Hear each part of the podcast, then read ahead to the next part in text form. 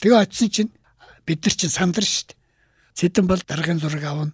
Одоо хаана яаж авдаг юм байгаа инээ тэр болсон чинь өө дарга хувцас өмссөн зогсож шүү. За сайн байцгаана хөөхдөд. За та нар эндээс авсан дээр баха. Хөөе хизээний зураг авахулдаг юм шиг хөрхөд тэгжсэн. Өө тэгээ тайвшраад бит ир чинь даргын зургийг авсан. Тэгээ даргын туслах гэж нэг хүн байсан. Тэр нэг гэрэл барай зогсож байгаа хүүхэн байна шүү дээ. Тэр чин даргын туслах. Тэр ах аж ахуй хариуцсан гэрт нь байдаг туслах. Тэр хүнээр тэр гэрэл мэрлийн бариулаад Одоо энэ зургийг болохоор сөхөөгөө авсан гэсэн үг үү те? энэ кадрыг зөвхөн авсан. А таны зураг авж байгааг баримтжуулж байгаа тий. Намайг баримтжуулж байгаа. Энэ өстө гайхалтай агшин шүү. Тий, сайн агшин. Сөхөө 91 сүрхэн штэ. Бандрагшийн сөхөө гэж сайн зурагч юм байсан шүү. Улсын гэрэл зурагт ажиллаж исэн. Тэгээ суулдаа манайдтай нэгдээд манайд ажилдаг болсон. Их мундаг зурагч юм байсан штэ. Сөхөө чинь. Их овцгоотой. Тийм. Хүний хараагүй юмыг хартсан байдаг. Тэр яа Тэгвэл юу ах вэ? Одоо энэ зураг шүү дээ. энэ зургийг хэлж байна.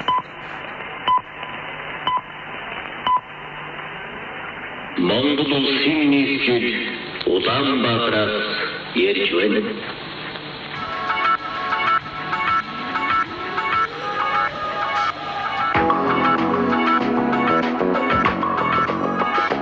За сайн бацхан уу сонсогчдоо. А манай Улаанбаатараас ярьж байна подкастын 19 дахь дугаар яг одоо эхэлж байна. Тэгээд манай өнөөдрийн зочноор а Ахмад гэрэл зурагчин Санж Метуга хүрэлцэн ирээд байна. Тэгээд юуны өнөөс танд бидний урилгыг хүлээн авч одоо хүрэлцэн ирсэнд баярлалаа.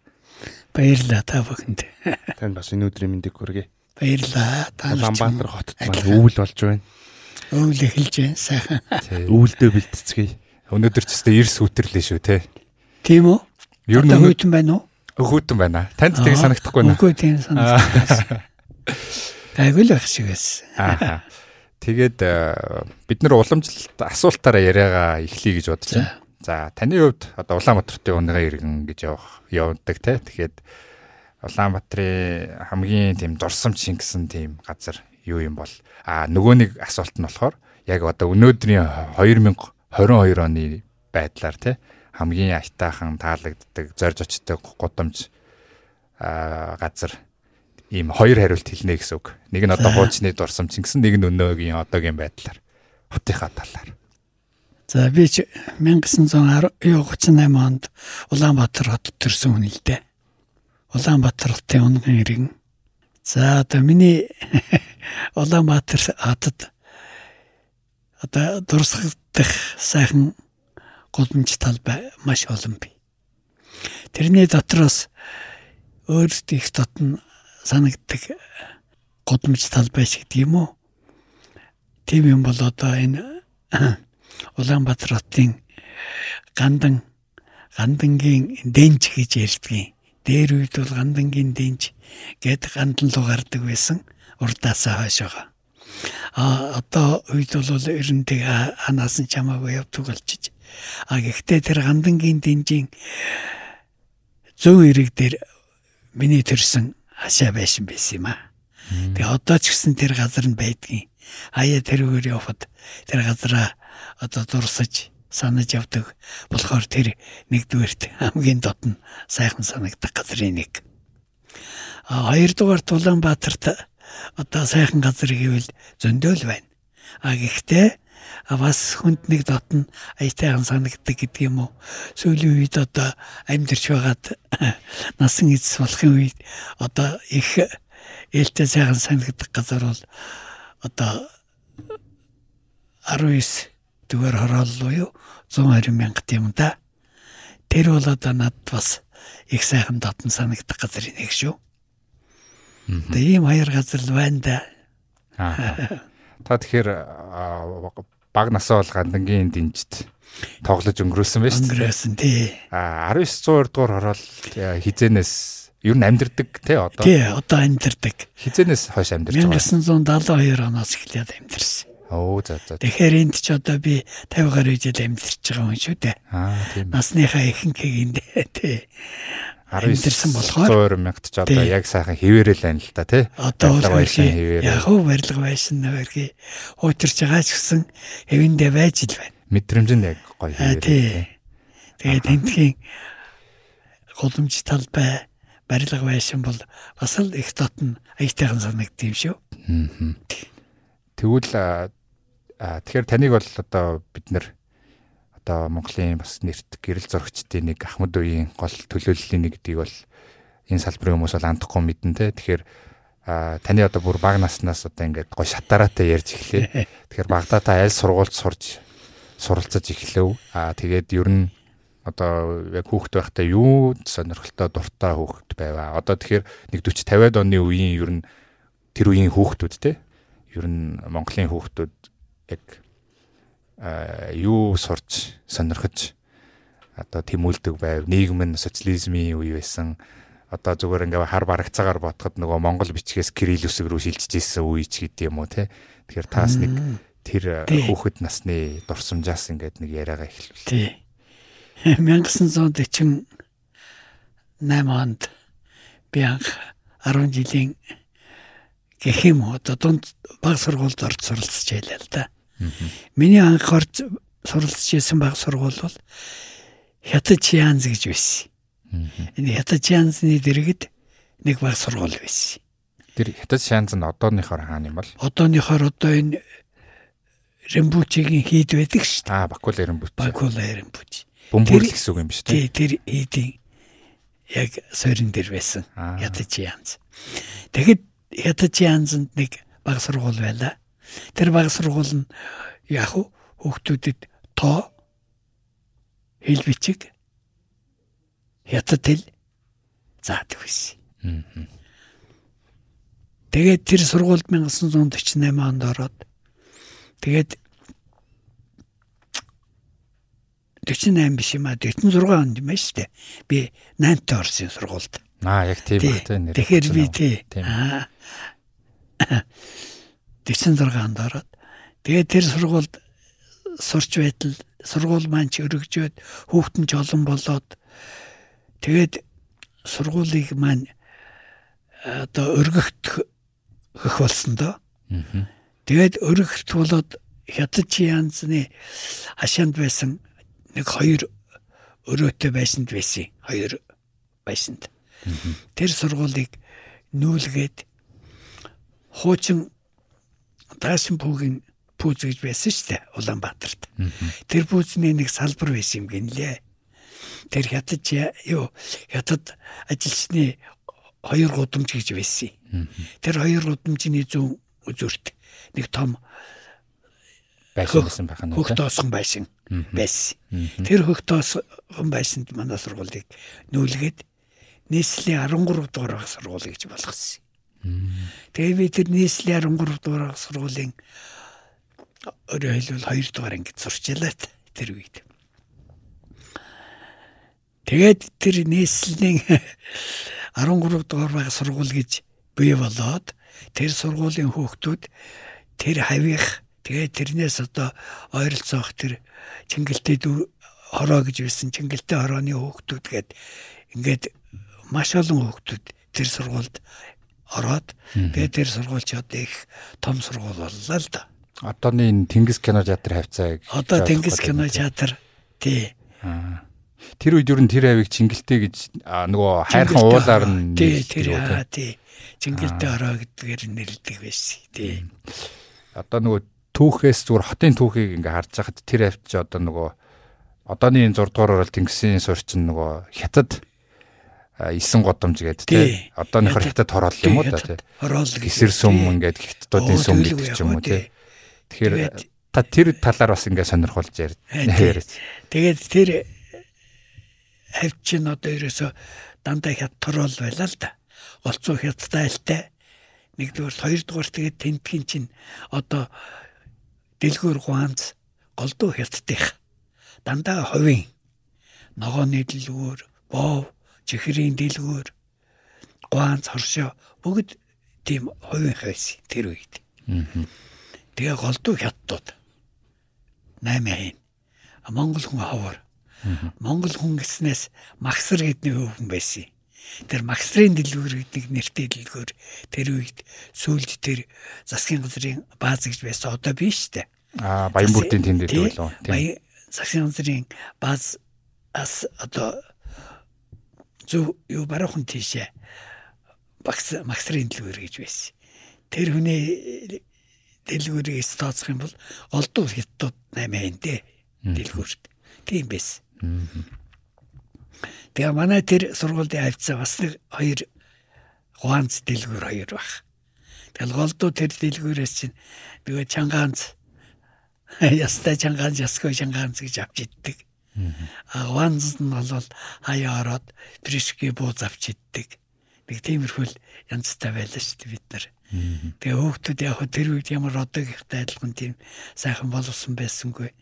Тэгээд л өөрснөө л нэг хэд гурван цаас хармайлж явал тэрүүгээрэл тэгэл ванзанд орол өдөр нэг гизээ борлуулцдаг. Тиймэрхүү янзтай авч ялаа шүү дээ. Тий. Тэгээд ер нь тэгэхээр та одоо 10 жил гэх юм уу дүүрэх аль тэр сургуулаа л дүүргэсэн гэсэн үг ерөөсөө яв явсаар байна. Үгүй үгүй тэр чинь баг сургууль учраас дөрөвдүгээр анги төгсөөд 10 жилийн 5 дугаар сургуульд манайхан голд Аа шилжчихсэн гэсэн юм шүү дээ. шилжиж суралцдаг байсан. А би тэгээд тэр тухайн үед тавд очилгүйгээр офицерийн сургууль гэж алдартай сургууль байлаа шүү дээ. Скватрийн нэрмжит офицерийн сургууль гэж энэ өөрөөр хэлэх юм бол одоогийн офицеруудын ордон одоо Батламгал явны байр энэ байранд ч офицерийн сургууль байсан. Тэр сургуульд би элсэж орсон юм да. Хүүхдүүд суралцдаг гэсэн үг тийм. хүүхд суралцсан. Сент чинь 5 дугаар ангиас эхлээл тэгэл 10 дугаар анги хүртэл цэргийн дунд сургууль шүү дээ тэр чинь. Тэгээ тэнд суралцаад а тэндээс төгсөөд цэргийн ерөнхий сургуульд юм уу а хоошоо зөвлөлтөд цэргийн дунд сургууль зарим нь академид сүүлийнх нь үеийнхэн академид явдаг байсан. Ингээд цэргийн дараа нарыг л бэлддэг байсан юм байхгүй юу? Тэгээ би ухаандаа одоо тэр сургуулаараа явсан бол бас цэргийн даргал болчих байсан байх л да. Даанч инг тай үе эхлээд дайн дайжин дуусаад одоо инг тайвны асуудал гол яригдэж эхлэхдээ зэрэг цэрэг дайна хойш нь тавиад офицерийн сургуулийг татан болгосон байхгүй юу? Аа тийм. Тэгээ офицерийн сургуулийг татан болгоод наа гэдэг чинь тэр сургууль байхгүй болно гэсэн. Тэгээ тэр сургуулийн 8 дугаар ангид намайг суралцж яхад татан богдаад тэгээ би 8 дугаар ангиас одоо хайчих уу?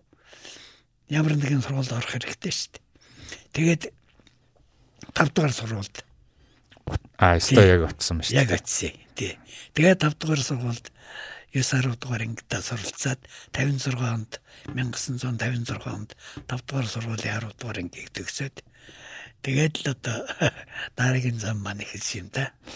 5 дугаар сургууль ч одоо яг тэр үед яг одооны энэ том барилгаараа л байсан юм биш ээ. Үгүй юу? Үгүй үгүй. 5 дугаар сургууль чинь тэр харламын ашаа гэж байсан. Харламын ашаа гэдэг нь одоо энэ хятадын өргөн чөлөө гэж байлаа шүү дээ. Одоо гоор хэлэх юм бол Самбуугийн гудамж. одоо энэ ганданга суруудсан том гудамж байна шүү дээ. Тийм ээ. Тий. Нэг дүүр дэлгүр хүртэл. Тий. Тэгээ энэ гудамж чинь хятадын өргөн чөлөө гэж байсан. Тэгээ энэ хятадын өргөн чөлөөний одоо тэр зүүн хавцаа хоошоо харсан нэг том хашаа байсан. Тэрэнд харламын сүм гэж байсан. Харлам гэдэг нь өөрөөр хэлбэл одоо христийн лам байхгүй юу? Тийм ээ. Тий. Тэгээ тэнд тэр хашаанд христийн сүм байсан юм байна л. Тэгээ тэр сүмийг буулгаад тэгээд сургууль болохгүй юу? Тэгээ манай давтгал сургууль тэр христийн сүм тэгээд хажуугийнх нь орос байшингуудад ингээд Хуваагдаад хичээл ном ордог тийм байсан. Тэр харламын сүм гэдэг нь айл улсын юу исэн бол нэг ширэд мэвэд үдгийг сонсогдоод идэг. Тэр нь үнэн болов. Гэхдээ би яг тэрийг нарийн мэдэхгүй байна. Тэгэд би нөгөө хүүхд байсан болоод нөхөн цан анзаардгүй байлаа л да. А сүулт бод ингээд улсуудын яриа хөрөнөөс авахд нөө харлам гэж тэнд орслам нар байсан шиг яриад идэгэн зарим улсууд. зөв, Тий. Тэгэл би тэрүүгээр нь л нэрлсэн юм байж тээ Хар гэж. лам гэхлээр нөгөө хувцаар нэрлэж байгаа. хувцаар Тийм, нэрлэж Үнэ байгаа алдарт тий. нөгөө хар хувц өмсдөг. Тий. Аа, тэгвэл орсууд л юм байна, тий хар хувцсамсдаг байсан шүү дээ тий. Тэрүүгээр нь харлаа мэдсэн гэдэг. Одоо ч бас нөгөө 15 дугаар болт нэг Орос үнэ алдартны сүм байгаа шүү дээ. Тий. Тийм юм байна тий. Аа за за ойлголоо. Тэгээд та хэрхэн ер нь гэрэл зурагт таах дурлж байгаа. Ер нь одоо таны ярилцлага намтруудыг харахад бол ингээ 58 он буюу одоо 20 настайдаа одоо гараагаа эхэлсэн байд юм байна гэж ойлгосон. Тэгэхээр одоо 10 жил төгсөөд тэр ажлын гараа эхлэх хүртэлх хугацаанд одоо юу хийдэг, юунд дурладаг тийм одоо хүүхэд байваа. За би ер нь одоо тэр үед чи хүүхдүүд их дугуй ундаг байлаа шүү дээ. Тэгэд манай аав надад нэг герман ойпл дугуй. Тэр үед чинь цагаан дугуй, орос цагаан дугуй л гэж их ярьдаг. Тэр нь болохоор нөгөө цагаан опуудтай орос дугуйнууд. А тэгээд ойпл дугуй гэхэр чинь шар хөх хоёр ойпл та байсан. Яагаад гэхээр хөхн дандаа эргэжтэйчүүдийн ундаг дугуй. А шар нь болохоор голдуу хөөхнүүд ундаг. Өөрөөр хэлэх юм бол эмэгтэй хүний дугуй, эрэгтэй хүний дугуй гэж байх нь байна шүү дээ. Оо тийм. ээ. Тэгээ манай хотын хөөхнүүд чинь олдуу тэр шар ойпл ундаг. Цагаан дугуй ер нь унахгүй дээ. Цагаан дугуй ховор. Эмэгтэй хүний цагаан дугуйч тэр үед их ховор байсан. Ойпл дугуй бол их байсан. Шар ойпл. Тэр чухам яагаад тэгдэг байсан. Тэр үед тэр германаас тэр холоос дугуй тэхийг бодоход манайхан бас л дугуйн тэхэл сонирхолтой байсан шиг байна. Тэгээ бид залуу за- жоохон байхдаа би дугуйн дэх туртай. Тэгээ манай аав надад нэг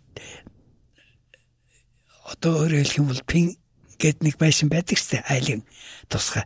Тэр пингийн тэр дээд танд нэг дугуй өлгөтэй л байх. Намаа жоохон байхад. Тэгэл би тэрийг чинь их их санаанд ордогчгүй. Манай аав ээж хоёр бол хоёулаа тус тусдаа дугуйтай. Манай аав нэг хөх ойпилтай. Манай ээж нэг шар ойпилтай. Тэгэл би нэг анзаардгүй байсан. Тэгээ сүйд дөрөвдүгээр анги одоо ороод манайхан чинь одоо нэг дугуй ундаг боллоо л доо. Өөрөөр хэлэх юм бол нөгөө сургууль нүгэд Шианзнаасаа нүгэд хоёр гудамжинд очсон. Тэгээ хоёр гудамж руу явхад чинь нэлээд зайтай. Манайх чинь 8 дугаар хорооны 4 дугаар хорин гэж байсан. Гандангийн баруун эрэг дор. Манай хашаач тэнд. Тэгээд тэндээс явах чинь явган явуул их холдоо хоёр гудамж. Тэгээ хөөхтүүд дугуй ундаг. Тэгсэн манай аав нэг өдөр над хэлсэн аавар. Одоо чи сургуульд ороод том боллоо. Би чамд чиний тэр дугуйг буулгаж өгье. Тэгээ чи тэр дугуйгаа унаа сургуульдаа явдаг бол. Тэгээ би яг хөөхтөм чинь баярлал заавалал. Тэгээ тэр дугуйг буулгаж өгсөн. Тэгсэн тэр гу- дугуй нь одоо орвол тэр ойпл дугуй чинь их гарах баг гарах гэж байсан юм байна л. Тэгэд миний тэр дугуй бол баг гарах байхгүй юу? Будун багшишгтай тийм цэнхэр ойпл. Жичгэн өөрөөр хэлэх юм бол хүүхд тундаг байсан юм уу да тэр үед. А тэр том ойпл нь болохоор нарийн дугуйтай а тэгээд том улсууд ундаг тийм байсан. Тэгэл тэр дугуйгаараа сургуультай явна л да. Тэгээд замаасаа нэрвгийг авч явна. Ягаад гэвэл энэ нэрвгүй доктор битэр чинь нэг анги юм штэ. Аа. Тий. Тэгээд нэрвгийг замаасаа аваад нэрвгүйтэй сумдалдаад хоёулаа сургууль руугаа явдаг. Тийм байсан. Тэгээд дугуйн дэх туртай байдаг байла. Тэгээ манай ангид төрсөн цэнгэл гэд нэг хөөхт байсан. Зураг зурдаг. Аа бас хажуугаар нь маань нэг өдөр зургийн аппарат дотроо зураг авдаг болчихлоо. Тэгээ би нэг өтгөн гайхаад гэрдэ ийм гоё аппарат хаа байна ийм нэ. Хүн чи өндөр оршинд л байгаа штэ. Тэгээ өндөр оршинд яваад очсон чинь өө тэр зорки гэдэг аппарат гэл ингээд хураацсан байна шүү тэр нэг талд нь гэдэг ер нь анзаардгүй байжтэй гэж бодоод гэрд ийм аппарат байдаг юм байж гэл тэрий чинь тэр үед хамаагүй үзэж болохгүй хагаад асууч ярихаас биш үзэн харна гэж тэр үед байхгүй. Тэгээд төсөн цэнгэлийн аппаратыг үзлээ. Тэгсэн чинь их гоё юм аа тэр зорхгийгэл дурна ингээл уршаага гарч ирдэг хойшоогоо хаагдчихдаг. Тэгэл ингээ нэг юм харахаар дотор нэг шар юм харагдал бокс даруулж байгаа юм гээл нөгөө шарын давхарлалдаал Хоёр дүрсэн давхцаа тий. давхцаал ингээл байдаг байл. Тэгэхээр гайхаад энэ их гоё юм байдаг юм байна гээл. Тэгээ нэг өдөр төсөн зинглээс асуулаа л да. Чи энэ аппарата зарахгүй юу гэж. Тэсэн төсөн зингл яалаа гэж саяхан авсан юм чинь. Тэгээ зарна гэж байхгүй би өөрөө зураг авна. Тэгээ одоо би бас зураг мөр. Одоо чи зураг авсан зургаа чи одоо биднэрт өгдөг юм бөхөр. Одоохонд нөгөө зургийн хор цаас а бас энэ чинь тусанд буулгадаг аппарат байдаг. Тэр интернет надад одоохондоо байхгүй. Тэрнтэй болж ижил би зураг буулгадаг болно да гэд ингэж ярьж ирсэн. Тэгээд 10 дугаар ангид орлоо 9-оос 10 дугаар ангид ордгийн жил төсөн сэнгэл хөө чи нөгөө аппарат авна гэж хэлсэн минийх авахгүй юм гин. Чи яаж өгөх юм гэсэн. Өндөр оршин 550 гэж байгаа. Одоо өндөр орш ихээр одооны зан юм үзээ тий. Одоо занаар үзэр юм үз. Тэнд 550 гэж байгаа. Би чамд 500-аар өгөх гэж да. Тэгээ би аавда хэллээ л да. Аа ингээд нэг юм байна. Манай ингээ. Заавал чи тэр аппаратыг авах гэдэг юм гин. Гэхдээ яг хөө тэр зарна гэж юм. Тэгэхээр тайдан саснаад татаа авчил яасан гэдэг. Тэгэл манай аав намайг чи тэгээ чадах юм уу? Тэр чи эвд чин тэр аппаратын тийм хөөх тоглодог юм биш шүү дээ. Гэт. Тэгээд нөгөө аппаратыг чинь авч өгөхөр болоод. Тэгээд 9 зөнгөлт над өгөхөр болоод. Тэгээ би тэр аппаратыг авсан юм шүү. Аа. Тэгээ өндөр оршинд тэгэд чинь пленк гэдэг нэг юм байла. Хальстай одоо. Одоо халис. Тэр пленк нэг төгрөг л дөө. Аа. Нэг хайрцаг нэг төгрөг. Тэгээ би тэр худалдагчаас асуусан энэ ямар үнэтэй гэсэн нэг төгрөг. Ягаад ийм хямдхан байгаа юм гэсэн. Оо энэ нэгдүгээрт ирээд мадад мэлээ удацсан. Хоёрдугаарт хүн авдгүй шүү дээ. Тэгээ одоо бид нар хямдхан зарж байгаа юм. Аа. Тэгээ би нөгөө пленкноос чинь хоёр уурыг авчлаа. Аа. Тэгэл нөгөө төсөн зэнгэлээрээ хэлүүлж яриулж заалгаж болж иж нөгөө төс нэглээд тэгэл зураг дарлаа да. Оо тэгэл тэр үед чи хамаагүй ингээл юу л бол юу дараа штт. Тэгэл тэр чи тэр хөөхтүүд чинь хөөх али санжимтоо чи намаа дар намайг дар энэ тэрэг тэгэл бүгдөө хөөхтүүд чи сайнрахаалаас. Тэгэл зураг авна. Тэгээ нөгөө авсан зураг яач чаддаггүй. Тэгэл имэл пленко хадгалж байдаг. Тэгсэн чинь нэг өдөр энэ офицеруудын ордон өөрөөр хэлэх юм бол энэ Батлаамгалын амны ордонд байранд чинь Оросууд байсан. Аа. Тэнд нэг гэрэл зурагч байдаг гинэ. Тэр гэрэл зурагчинд одоо хүн хальсаа өгч угаалгадаг юм гинэ гэж. Тэгэхээр л нөгөө тэр чи яваад очиж нэг Орос байна. А нөгөө Оростой чинь дохио зангаагаар ярилж байгаа л би зураг авдаг гэдгээ таниулаад тэгээ надад ийм пленкнууд байна энийг угаалгая гэсэн. Оо тэг гинэ. Тэгэл би нэг пленк өгөөд угаалгасан чинь нөгөө хүн чинь за чи орой дээр яриг гин. Тэгэд яваад очиж чинь өө нөгөө зургийг чи угаацсан байна. Өө тэгсэн чинь яриасан гой зургнууд гарцсан байхгүй. Тэгэхээр би чинь сэтгэл хөөрөөл. Тэгээ одоо энийгээ би өөрөө яаж угаах вэ гэд нэг орсоос асуусан чинь нөгөө чинь энэ ийм бачок байдаг энэ бачок би зарна чи авлаа 10 төгрөг гинэ. Өнөөд бачок нь 10 төгрөгөөр авлаа. Тэгэл хор хэрэгтэй болно шүү дээ. Тэгэл нөгөө Оросоос чи хор ингээ нөгөө Оростойгоо холбоо яриад нөгөө Орос дээр очиж тэгсэн нэг өдөр тэр Орос над тэгж шүү. Би шиний зургнаас чи хэдийг буулгаж өгөх гинэ. А тэг гэд. Тэгээ ангийнхаа хүүхдүүдийн зургнаас нь хэдийг буулгуулад тэгээ ангид аваад очисон чи өө нөгөө төлж бөөм баяр сайрах сайгач гэж ихтэй. Тэгэл нөгөө төсөнсөн гэж надад асууж чи яаж ингэж ийм хурдан хугацаанд сороо Гэхдээ яг ийм юм очтой ингээд буулгалчлаа гэсэн. Өө тийм үү гэд. Тэгэл тэр нэс хойш тэр орс тэр очиж 10 дугаар ингээд байхдаа зураг буулгуулдаг. Тэгээд сүүл зах дээрээс нэг өсгөгч хямд үнээр аваад тэгээ гэртээ буулгадаг болсон. Тэгэл зураг сонирхож эхэлсэн те. Тэгэл 10 дугаар ингээд төгсөх чинь би зураг авдаг. А тэр 5 дугаар сургууль надаар нэг 5 дугаар сургуулийн хэдэн жилийн ойч болдоо тэр үед чинь. Тэгээ нэг баахан хүүхдүүдийн зураг мөрг авахулж угаалгаж надаар нэг альбом хийж явчихсан шүү. Тэгэд л бас чөлтөм сүрэн гэж манай энд захирал байсан. Тэр чөлтөм сүрэнгөө хөрхий. За чи нэг ийм альбом хийгээд гээд тэгээ би нэг хэдэн зураг авч өгч альбом хийж өгчлээсэн. Тухайн үеийн бас анхны ажил хийж байж Одоо тэр үеийн миний анхны бүтээл байхгүй юу? Тэр альбом гэдэг чинь. Бас мөнгө авчиж байгаа тий. Үгүй ээ. Тэр үед мөнгө байхгүй. Тэр үед тэр үед мөнгө гэж юу ч байхгүй. Тэр та яагаад ингэж одоо нэг ангийнхаа хүүхдээс камерыг худалдаж авахар болоо тий надад зарахгүй юу. За тэгээ дээрэс нь яагаад тэгтлээ их гэрэл зурагт ингэж дурлсан юм бэ? Ер нь яг туршиж үзээгүй байдаг. Тэгсэн ирний яг тэр ойлголт яаж та тэгэж их юунд нь болж тэгэж дурлсан бэ? Тийм шүү. Ер нь тэгээд нөгөө офицерийн сургуульд хахад нөгөө янз бүрийн үйл явдал боллоо шүү дээ. Хурал цуглаан тэгэл тэн дээр нэг өвгөн хошууч. Өвгөжөр хүнэлтэй хөрхи өвгөнч биш. Тэр үед тийм өвгөн харагдахгүй юу? Тэр хүн их зураг авна. Тэгэл энэ тэнд яваал ингээл тэгэл тэр зурагч хүний эрх мэдл гэдэг ч бас тухайн үед их эрхтэй байдаг юм байна шүү гэсэн бодол төрн.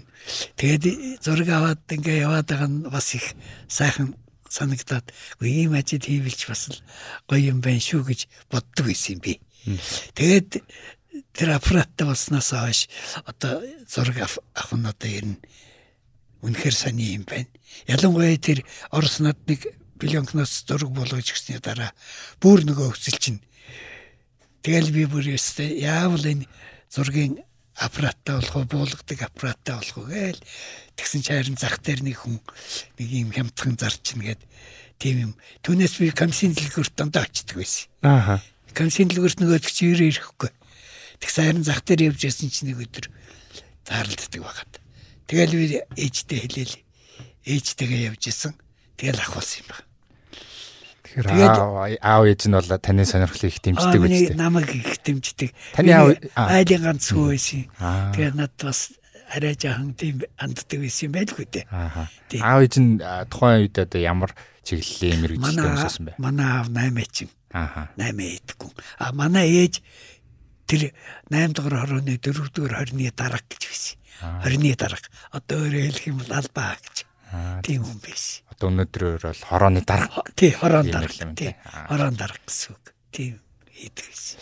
нууц ш бол нөгөө төрөний төвшин цэнгэл төрсөн цэнгэл гэж одоо зураг зурагчснараа явсан уу? үгүй тэр хүн инженер болсон. Тэр Москвагийн э, энергетикийн их сургууль гэж байсан. Тэр сургуульд манер суралцаад тэнд ер нь монголчууд байгаагүй шүү. Ер нь төвшин цэнгэлээс өөр тэр сургуульд монголчууд л ав байгаагүй. А тэр хятадын нэг сүлд бас хятадын засгийн газрын дарга гэд нэг залуу байсан. Тэрнтэй нэг анги төгссөн юм байна л. Тэгээд манай цэнгэл чи инженер болсон хүн. Тий. Одоо ч гэсэн байгаа л да. Надаас нэг хоёр ах үлүү юу вэ? Манай төвчсөн сангил чинь лавл ах юмдаг надаас. Тий. Тэр төвшин цэнгэлээс авсан камер нь байдаг болоо одоо ямар нэг байдлаар байхгүй. байхгүй тий. Байхгүй. Тэр үед би хойшоо зөвлөлтөд тэр камера аваад явсан байхгүй. юу? Тэгээ тэнд нөгөө камер чинь зорки чинь зорки 3 4 гэж солигдоод тэгээд нөгөө дуран морн их гоё болохгүй тэр чинь өргөн энэ том бөрөнгийн урт. Тэгээд би нөгөө тхэ голж байгаа. Голоод тэгээд нөгөө тхэ чинь ламбардд тавиад зараад Тэгээд сайжруулаа шинжилгээ авсан юм шүү дээ. Зорки 3 гэдэг явсан. А тэр зорки камераар ер нь анхныхаа зургийг тавьсан. хамгийн анхны авсан зураг та санд уу? а албан ёсоор авсан зураг юу саналгүй яг уу би найрамдлын зам сон сурвалжлагч хийж инктэй юу сүхийн талбай инкийн талбай гэсэн нэртэй тим зураг авч тэр зурга анх сонида тавьж ирсэн. Тэгээ тэр бол миний одоо албан ёсны миний анхны уран бүтээл юм баг. Тий. Тэгэхээр та элтрон бас нөгөө хилүүлэх дургу байгаа даа шүү дээ тий. Аа гэрэл зурагч ингээд хэлчихүү гэдэг тэгэхээр үгүй би гэрэл зургийн сурвалжлагч байхгүй юу гэд Тий. яриад байна. Тэгэхээр мэдээж гэрэл зургийн сурвалжлагч гэдэг маань бол мэдээж нэг талаасаа өнөөдрийн өдөр тутмын явдлыг тэ өөрөө хэлвэл өнөөдрийн нийгмийн ч гэдэг юм уу өдөр болгон сурвалжилдаг гэрэл зурагч өөрөө хэлвэл үгээр хажууд нь бичнэ сэтгүүлчтэйгээ эсвэл өөрөө бичнэ тэгээ гэрэл зургаар илэрхийлнэ. Тий. Тим ажил хийдэг байсан болохоор та илүү гэрэл зургийн сурвалжлагч гэж ярьж гэнэ үү?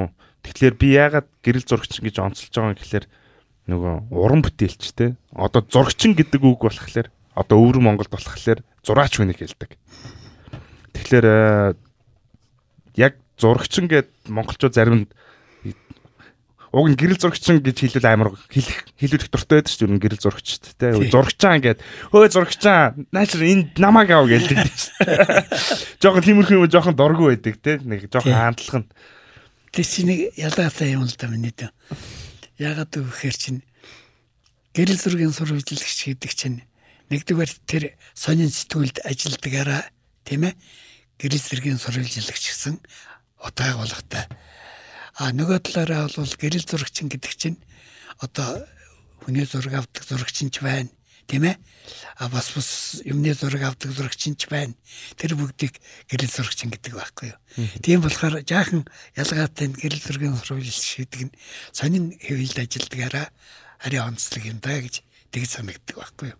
Тийм учраас гэрэл зургийн сурвалжлагч гэж хэлүүлэх нэг талдаа бас арай Дуртай. Тий аятай санагддаг тийм байхгүй юу Тэгээ манай ч одоо гэрэл зургийн сургууль соёл гэж юу байх вэ? Байхгүй шүү дээ. Би тэгээ Монгол улсын э, их сургуулийн сэтгэл зүйн ангид суралцсан.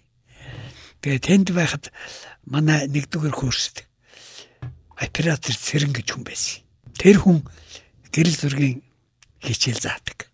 Нэг семестр заасан. Хоёр семестр. Тэгээ бид нар бас гэрэл зургийн мэрэгчлээ баттгаж авч ийсэн. Цэрэн багшаар заалгаж ийсэн. онл практика яг дээ. Болсон тий. Та хүмүүсийн сэтгүүл зүүн ангид суралцахаас өмнө Москвад суралцахаар явж байсан тий. Тий. Тийм. Тэгээд нэг жил суралцж Тий, байгаа бодож ирсэн байх. тий. Та тэр түүхийг бас ярьж өгөөч бид нарт. Тэр бас сонин төөхөлдөө. Нэг 10 дугаар анги төгсгөр чи хөөхтүүд мэрэгжил сонгодог юм байна. Тэгээ би бол тоондоо нэг их тийм сайн биш л дээ. Тооны тал. Би голдууд уран зохиол түүх гэвэл арай өөр. Тэрэндээ илүү сонирхолтой. А тоо физик гэдээ явчихлаар арай л э, тиймэрхүү байдаг гэсэн. Тэгээ их сургуульд бид нар шалгалт өглөө. Гадаад явах хүүхдүүд гэсэн манай ангийнхан нэг дор суугаад энэ их сургуулийн дугуй зал гэж байдаг шүү дээ. Өө тэрэнд оруулал бүгдийг суулгаж байгаа л тэгэл шалгалт авчиж байгаа юм чинь. Тэгэл бивнээсээ хуулаад өгч шүү дээ. Ангийнхнаасаа хуулаад.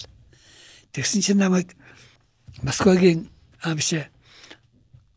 геологийн тэгчин геологи яам гэж байгаагүй шүү дээ. Геологийн удирдах газар гэж байсан. Тэр удирдах газар хуваарлт юм байна шүү. Тэрний дээр сургуульд явна гэд. Тэгээд нөгөө дээр очлоо. Тэгэл яг хөтэ нөгөө оюутны чи яаж бэлтгэдэг вүлээ. Тэг бүх зүйлийг бэлдэж өгөөл намар болсон. Москвад очисон чинь Москвад очоод тэр бас их сайн төвхтэй. Манай анги ч одоо 20 хэдүүлээ байсан. 10 дугаар анги төгсөхөд 27 8 уулаа. Тэгээ манай анги ихэнх нь хоошоо явчихдаг юм байна шүү. Бүгдөө Москвад очсон. Тэгээ зарим нь Чехад, а зарим нь яг хөө тэгээд ийш тийшээ. А тэгээд Москвад очсноо аа тэнд бүгдээ нэг зураг авах болоод манай ангийнхан их олоола тэгээд зураг авах болж исэн. Тийм ангиара шахо явж исэн хүүхд зөөхөн байдг юм гээл ярьдаг юм а тэр үе болсод. Тий. Тэгээ манай ангийнхан чинь тэгж Москвад очиж исэн. Тэгээ бид нар тэнд очиод удалгүй 2 3 хоногийн дараа сургууль хуваарлаад очисон чинь Москвагийн Калинины нэрэмжит өнгөд металл алтны сургууль гэж байдгийн байна. Тэр сургуулийн оюутан болно та. Гэт тэгээ нөгөө сургууль руу чинь аваа явлаа. Тэгээ тэр сургууль руу Хасбаатар би манахаас битэр явсан. Тэр Хасбаатар гэдэг нь бас надад хоёулаа 10 дугаар анги төгссөн. Тэгээ тэнд очсон. Тэгээ би тэр чин тэр сургуулийн оюутан бол сургалт сурч ийлээ. Тэгээ нэг жил сураад сургууль дууслаа. Тэгээ амралт чөдөөгөөр ирлээ. Тэгээ манай ээж энд би нэх муу байсан. Манай аав бас энэ муу. Тэгээ манай аав тэр жилээ өнгөрсөн. Тэгээ манай ээж бас би энэ муу харах хүн байхгүй. Тэгээ би чи ганцаараа айлын ганц хүүхдийн ч одоо тэгэл ээж харахаас самгүй гэл. Тэгэл гадаад дотод ямар явж ийж тэгэд нэг жилийн чөлөө тэр үед тэгэл жилийн чөлөө гэж байгаагүй шүү дээ. За тэгэл явбал явлаа эс явбал явлаа. За чи тэгээ юу ч утсан ээжийг харжээ. Тэгээ чамайг хэрэг бол дуудана. Эс хэрэг бол тэгээд чи тэр ээж тэгээ ээжийг одоо ямар нэгэн аргаар л одоо асарч хамгаалаарэ гэд. Ингээд би тэр жилийн үлдчихгүй юу? Тэгээд дахиад тэр сургуультай явааг. Тэгээд би ажил хийгээд төмөр замд наримлын зам сонд гэрэл зургийн сурвалжлагчаар ажилд орсон. Тийм учиртай. Наримтлын зам одоо төмөр замын сонин те тэгэхээр тухайн үеийн сурвалжлагууд ер нь ямар чиглэлд байдаг байсан бэ?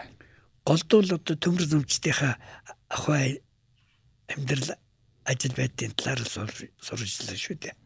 Тэгэл тэр үед чинь зураг авч тэгээд залууч байжтэй. Тэгэл тэнд чинь тусгай лаборатори гэж байхгүй нэг өрөөнд нэг жижигхэн харанхуй ийм лаборатори гэдэг нэг юм байгуулчгаал тэн дотор зураг хийдэг тийм байсан. Та тэнд хідээс хэдэн он хүртэл ажилласан бэ? 58-аас 58-аас 62 он. 62 он. Тий, 5 жил ажилласан би тэнд. Аа. Тэгээд би их сургуульд орсон. Ааха. Тэгээ их сургуулийн сэтгэл зүйн анги дөрвөнжил суралцдагсад Монцамегийн Монцамед тойрлогдсон. Ааха. Тэгээ Монцамед тойрлогдоод Монцамед нэг гэрэл зургийн юутай студидтэй болно гэж ярьж ирсэн. Ааха. Хэдэн оны үед 60 60 3 2 оны үед. А тэгээ тэр нь яг тэр жилээ болоог. Тэгээд дараа жил нь болсон тэгэд би радиогийн үйлдвэрээр тагцад сурвалжлагчаар ажиллаж байсан. Тэгээд нэг жилийн дараа гэрэл зургийн ерөнхий гэж байгуулагдаад аль биесор гэсэн. аль биесаар тэр гэрэл зургийн ерөнхий редакц байгуулагдаад тэнд сурвалжлагч, редактор, дарга гэл улсууд очлоо шүү дээ. Өөрөөр хэлэх юм бол манайх чинь арчилсан намын байр байна шүү дээ. Тий. Энэ байранд Монцомой байсан гэсэн тий. Аа тий. Тийм тэнд гэрэл тий. газар. Тэгээ тэнд чинь шилжиж очиод тэнд би редактораар ирчихсэн. Гэрэл зургийн. Сурвалжлагч, редактор гэж байсан. Тухайн үед одоо ингээд э, таныг ажиллаж эхлэх үед за ингээд гэрэл зургийн редакц байгуулж ийн гэхээр гэрэл зурагчдыг бэлддэггүй гэсэн хэрнээ ингээд ер нь Ахмад үеийн зурагчдын нэрс явдсан шүү дээ. Одоо таны үед мөр зэрэгчж явсан хүмүүс байгаа шүү дээ. Өө байлгүй. Тэд нэр одоо яг ямар ямар замаар за яг бас ингээд сонирхлоороо гэрэл зураг руу орсон гэхэд яг ямар чиглэлээр сэтгүүлчээр л ер нь төгсөж зурагчин болдог тийм байсан юм. Тэр үед ч одоо сэтгүүлчээр төгснө гэж юу байх вэ? Байхгүй шүү дээ. Тийм бэл гэрэл зургийн одоо сургууль соёл гэж байсангүй. Тусгай курс семинарч гэж байсангүй. Тэгэл голдуул сонирхлоороо.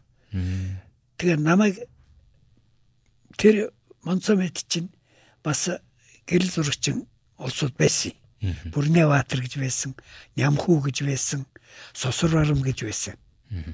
Тэгээ сосорж өгөөж. Энэ ямар учиртай юм гэхээр Монцомегийн чинь дэргэд Монгол улс гэж сэтгүүл Орос англи хэл дээр гардаг. Новости Монголи гэж сонин Орос хэл дээр гардаг. Хятад ажилласны зам гэж сонин Хятад хэл дээр гардаг. Энэ сонин сэтгүүлийн чин зургийг тэр бүрнээ баатар сосоржов нямхуугаар бэлдэж өгдөг юм байсан. Тэгтээ тэд нар тусгай яг тэр холбооны яамны бадвалд нэг лабораторитой. Тэр лабораторитой хийгээд тэгээд өгдөг тийм байсан. Тэгээд редакц байгуулагдахтаа зэрэг нөгөө улсууд ч бүгдөө редакцтай нэгдээд тэгээ Монцовгийн гэрэл зүгийн ерөнхий редакц гэж байгуулагдаад тэгээд дарга нь шагдэр гэж зохиолч шагдэр гэж байсан. Тэр хүн болоод редактор нь би тэгээ Бүрнэбаатар Нямхуу сусарж байгаа руу гэрэл зургийн сурвалжлагчд болоод ингээд л ажиллаж гисэн дээ. Зөв зөв.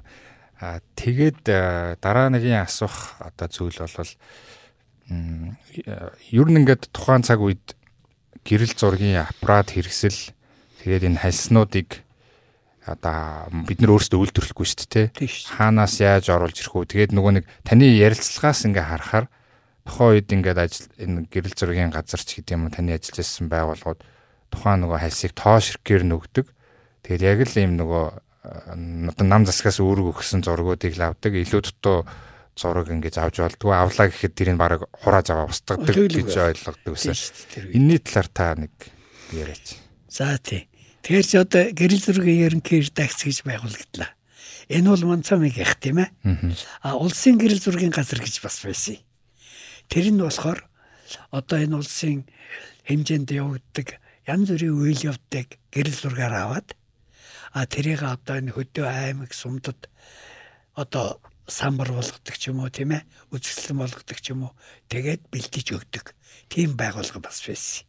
А тэрнээс гадна а одоо гэрэл зураг хөмсөн гэрэл зураг авдаг. Гэрэл зургийн одоо өөрөөр хэлэх юм бол жижигэн юунууд жижигэн газрууд тийм ээ. Тийм бас байсан шүү дээ. Тэр үед зарим нь хувийнхч байсан сүлдээ нэгдэхэд одоо нэг болсон юм. Тийм учиртай. А тэгээд тэр эрэл зургийн ерөнхий редакц гэж ажиллаад эхлэхдээ зэрэг чинь одоо бас зохион байгуулалт хэрэгтэй шүү дээ. Тэд нарт ч одоо авах гэрэл зургуудын хэлж өгөх хэрэгтэй нэгдүгээр. А хоёрдугаарт одоо нэг зураг авахд хичнээн кадр зарцуулах гэдгийг хэлж өгөх хэрэгтэй. Нэг хүн одоо өдөрт хичнээн хэмжээний зураг авах уу? Тэр бүгдийг ингээд тооцоолоод тэгээд одоо сурвалжлагчдад тэр хальсын ухаанд ойрлж өгнө. Өнөөдөр та өргөн хальс хоёрыг аваад яв. Нарийн хальс нэгийг аваад яв гэх жишээтэй. Тэр үед чинь Бонцамгийн гэрэл зүрийн ерөнхий редакцид өргөн хальсны аппарат байлаа. Японых. Нарийн хальсны аппарат байлаа. Япон, Оросынх. Тийм болохоор хоёр янзын хальс хэрэгэлдэг байсан. Тэгэд манай Бонцамгийн тэр мэдээлэл радио улс телевиз улсын хороо гэж байсан шүү дээ. Тэр хорооны орлог тарга нь Эрдэнэ гэж юм байсан. Эрдэнэ гол тэр гэрэл зургийг хариуцдаг. Тэгэхээр Эрдэнэгаа чинь тэр гэрэл зургийн тал дээрх бүх асуудлыг өөрөө шийдэн дээ. Тэгээд тэр хүн бас их авсаатай хүн байж тэр худалдааныхантай гадаад худалдааныхантай ямар хөө янзаар харилцдаг байсан. Монцомигийнхаа гэл зургийн редакцид ялангуяа Японы шинэ орчин үеийн камеруудыг ихээр авдаг. Жишээлх юм бол Зинза Боргонико, Яшка Матван тийм ээ. Эднэр чинь дандаа Никон байла. Эднэр чинь дандаа Японых шүү дээ. Тэгээд манайд аа бус сонин сэтгүүлийн газрууд тийм аппарат байхгүй голдоо Орос аппараттай. А гэхэд манайх бол тийм аппараттай байсан. Тэгээд тэр аппаратыг бас сайн эзэмшдэг улсууд бас байлаа. Бүрнэбаатар гэж хүн байсан. Тэр хүн тэр аппаратыг эзэмшихээс гадна тэр аппаратыг бас янз бүр засчдаг байсан шүү дээ. Тэр тал дээр их мундаг. Тэгээд энэ мэтлэнгээр гэрэл зургийн манай газар чинь олонний анхаарлыг их татдаг. Өөрөөр хэлэх юм бол хэд гадаад юу бус сонин студийн зурагчид манай дээр их төвлөрдөг, ирдэг уулздаг, ярилцдаг, манайхны аппаратыг сонирхдаг, үздэг, хардаг. Та манай редакц чинь бас нэлээд том. Тэгээ лабораторитой лабораторитой лаборантуудтай болж эхэлсэн. Энэ мичнэгээр өргөжөд авахгүй тэр чи томсон. Тийм болохоор манайхны их сонирхдаг тийм байсан. Одоо яг энэ аппарат камерын дээр гэдэг ярихлаар за мэдээж өргөний айс, за нарийн айс гэдэг та ярьж байна те. Тий. Тэгэхээр энэ гадны ихвчлэн Японых тий. Тий шүү дээ. Тий. Япон, Германых бас баг шүү гэн тий. Тий, манайх чинь голдуу гэрэл зургийнхаа материал цаас хор пленкийг бол орво Аа. орвогоос авдаг байсан. Германаас. Аа. Тэгээд э, А Чехаас бас авдаг. Чехаас цаас авдаг байсан. Фома. Форма. Тий. Тэгэхээр тухайн үед та одоо яг дөнгөж нэг 35 мм-ээр зорки дээр ингээд зураг авдаг байлаа шүү дээ, Тийм тий. шүү дээ. Тэгээ яг ингээд ажилд ороод ингээд аа, Монголын цахилгаан мэдээг гэрэл зургийн редакцт тий. Тий. Аа гэрэл зургийн сурвалжлагч редактораар ингээд ажиллаж байхдаа мэдээж өргөний альсаар 120 мм-ийн альсаар зураг авлаа. 120. За тэгээ дээрэс нь 35. Тэгээ өшөө бүр дахиад нэг 16 мм 110 мм-ийн альсыг та бас ярьж байгаа болов уу гэж би бодоод байна. Нарийн гэхээр нарийныг та 35-аараа л явж байна тийм. 35-аараа л ярьж чинь тий. Тэгэхээр би ялгааг нь асуух гэдэг юм л да. Яг гэрэл зурагчны таны өөр яг гэрэл зургийн сурвалжлагч юу одоо жишээ нь зураг авах болохоор за би энэ 35 мм-ийнхаа хальсаар авах уу эсвэл 120 мм-ийн хальсаар авах уу гэж бас бодож байгаа. Тэгэхээр яг танд өөрт ингээ гарч исэн тэр яг мэдрэмжийг та хуваалцаач те. Тий. Тэр үед чинь миний хувьд бол би энэ соёл урлаг спорт хариуцдаг байсан. Тэгээ соёл урлаг спорт чинь одоо хамгийн их хөдөлгөөнтэй зураг авах шүү дээ. Тэгээд энэ Зинзаброника чинь өөрөө хэлэх юм бол яахан том шүү дээ. Хүнд нэгдүгээр. А Яшкамат бол арай тэрийг бодоход хөнгөн. Тэ. А гэхдээ Яшкамат бол ганц дурантай. А Зинзаброника бол 4 5 дурантай.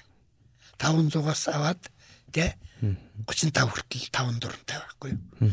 Тэгээ тэр бүхнийг ингээ ашиглаад авна гэхээр чинь Яшкамат абиш Зинзаброника ашигт. А зүгээр хүнд хөнгөнийг бодоод авна гэхлээр чинь яриаггүй Яшкамат юм уу Никон хэрэгтэй болдог байхгүй юу. Тэгэл тэр голцоо хөнгөн аппаратаараа спортоо талын имийг авдаг. А нөгөөтгөр нь бол ялангуяа энэ соёл урлагийн талын имийг бол би голдуу Зинзаброникагаар авдаг байсан. Ягаад гэвэл Бактан цайтай нэгдүгээрт а хоёрдугаарт тий соёл урлагийн юм чадаас нэлээ их өвөр мэд шүү дээ. Шийж жижигэн юмнууд ч одоо их өвөр мэд. Тэгээд дандаа Зинзаброникагаар авдаг байсан. Тэгээд э, дараа нь одоо таны одоо гэрэл зургуудыг харахаар те та бол ингээ спорт урлагийн чиглэлд зураг авахын хажуугаар одоо бидний одоо өнөө цаг үед таны авсан гэрэл зургуудыг харахад бол ингээд хотын гэрэл зургууд маш их байдаг те. Та ингээд уул руу одоо ерөөсөө тийм төв төв одоо нөгөө түүртгүүгээр л одоо уул руу гараад хотоо нэвт дурандаал янз янзаар авсан гэрэл зургууд их байдаг.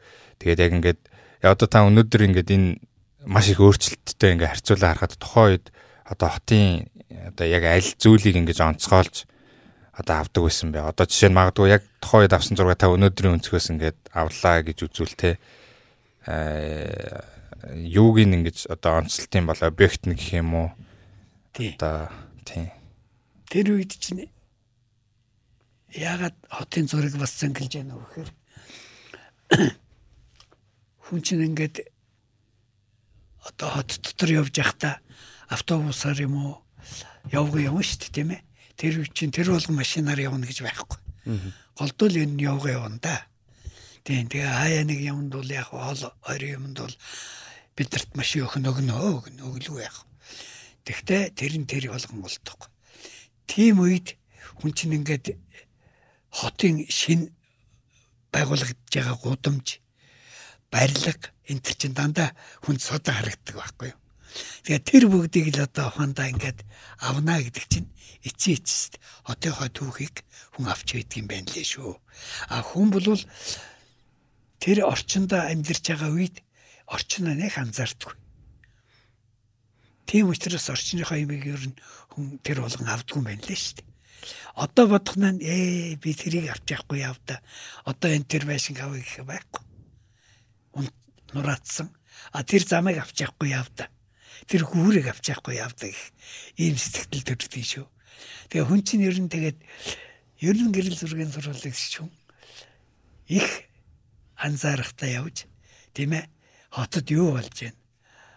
Шинээр юу байгуулагдаж байна? Юу бий болж байна? Шинээр хүн юу хийж байна? Тэр бүгдийг анзаарч явах хэрэгтэй юм шиг байдаг. Одоо жишээлбэл одоо сая та харамсдаг гэж хэлж штэ те. За энийг л ингээд э, эргээд явал авчих байсан юм да гэдэг тийм хэсгүүд аль вэ? Одоо Улаанбаатар хэсэг. Улаанбаатарын хэсэг л гэсэн үг шүү дээ. Одоо барилга байгууламж, годомж, зам э магадгүй сонсож байгаа хүмүүст а ийм газар байсан юм уу гэж нэгийг бодогдуулахаар тий. Та тийм дурсамжаас хуваалцаач. Одоо ингээ одоо бодож байхад бол Улаанбаатар хотын одоо түүхэн холбогдолтой гэж байгаа юм. Одоо энэ сүүлийн үед ч гэсэн одоо энэ ноутбук энэ төр дээр гарч ил байна л да тийм түүхийн холбогдолтой барилга байгууламж байсныг авааг өнгөрч гисэн. Тэр нь нураад алгуулчихсан.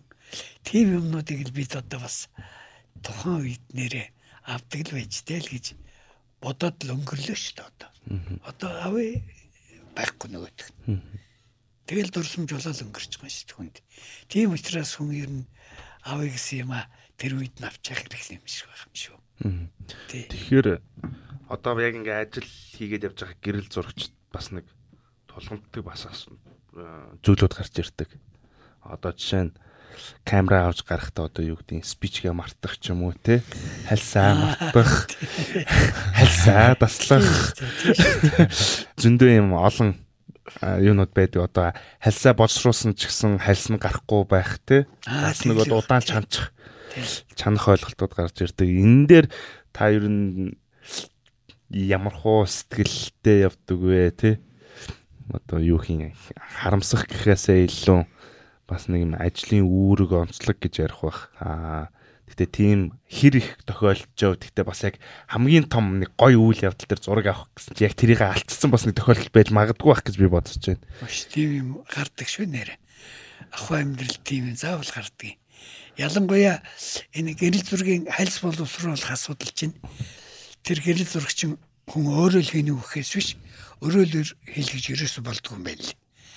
Өрөөлөөр хийлгэнэгдэг чинь тэр том гэрэл зургийн байгууллагууд өөрөө хэлэх юм бол энэ таас читка энэ төр чинь бол өөрөлдөө лаборанттай тийм лаборант тусдаа хальсаасрал өгч нь тэгэл гарсан цагт нь авчин. А бид нар бол тэгж болдгүй юм байна л. Манайхан чи лаборант байхгүй нэгдүгээрт, а хоёрдугаарт тэр ямар барилаар авсан яаж авснаас шалтгаална шүү дээ. Хүн чинь нэг барилтаа байдаг шүү дээ, тийм ээ. Наранд яаж авсан байна? Дотор яаж авсан байна? Спишкер яаж авсан байна? Спишгүй яаж авсан байна? Тэр бүгдөө өөрөө мэдхээс хүн мэдэхгүй. Тийм учраас өөрөө байх нь хамаагүй илүү дээр байт юм байл. Тэгээ бид нар дандаа хүн бүхэн нэг жижигэн бүтгэдэг. Тэр бүтгэн дотроо хальсаа угаадаг. Тэгээ тэр бүтгэнсээ гаргаж ирээд хальсаа хатаагаад тэгээ хэрэглэдэг. Тийм байсан. Тэгээд тэр хайлс чинь бас явдалтай шүү дээ. Тийм ээ. Өнгөтөө хайлс гэж байна, хар цагаан хайлс гэж байна. Тэгээд өнгөт хайлс чинь бас хар хар цагаанаас хугацаа, хэмжээ, хязгаар орж байгаа орц найрлага, хор гэдэг нь шал өөр шүү дээ.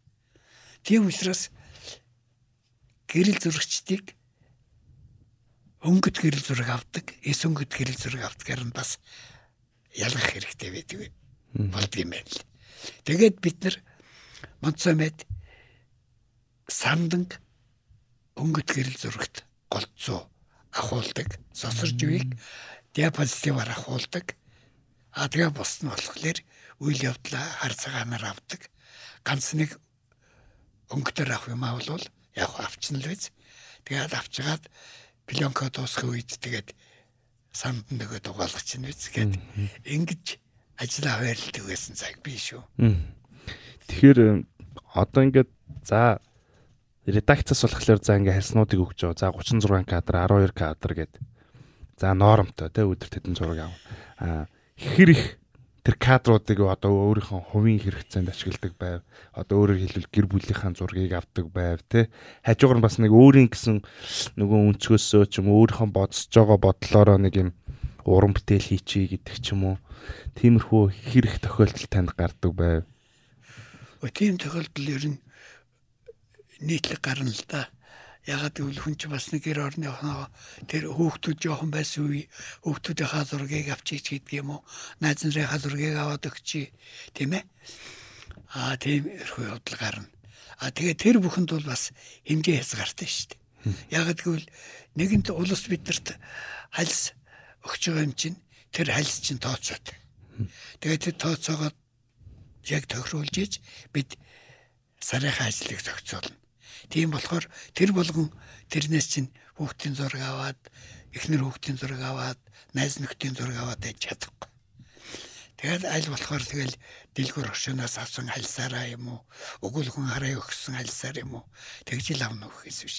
А зүгээр тухайн үед а тэр нарийн тооцоо хийнэ гэдэг чинь эцээ эц тэр хүний хариуцлага а хэмнэлт тийм ээ тэр бүгдийг шаарддаг тийм ажил байхгүй юу. Тэгээд тэр хүнд чинь тийм шаардлага тавиад ирэхдээ тэр чинь өмсөж бас шал өөрөөр хандна. Ажилдаач өөрөөр хандна. Ах амьдралдаач өөрөөр хандна. Тиймэрхүү л байж явж ирсэн байгаа. Тэгэхээр одоо юу гэдэг тухайн үед орвогоор авсан те гэрэл зураг. За фомогоор авсан гэрэл зураг хоёр ялгаатай шүү дээ. Харилцааны хайс те. Тэгэл айлсан. Тэгэхээр одоо дэлгүүрт нь болохоор зөвхөн фомон гэдэг юм уу орвон гэдэг.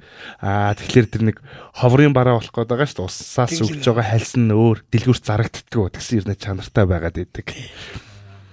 Тэнгүүт мэдээж тэр хальсаар гэр бүлийнхээ зургийг авахыг бас хүсэж байгаа бодол байгаа шүү дээ. Байлгүй яах. Оргих хосол авах байсан уу? Цэцлээ.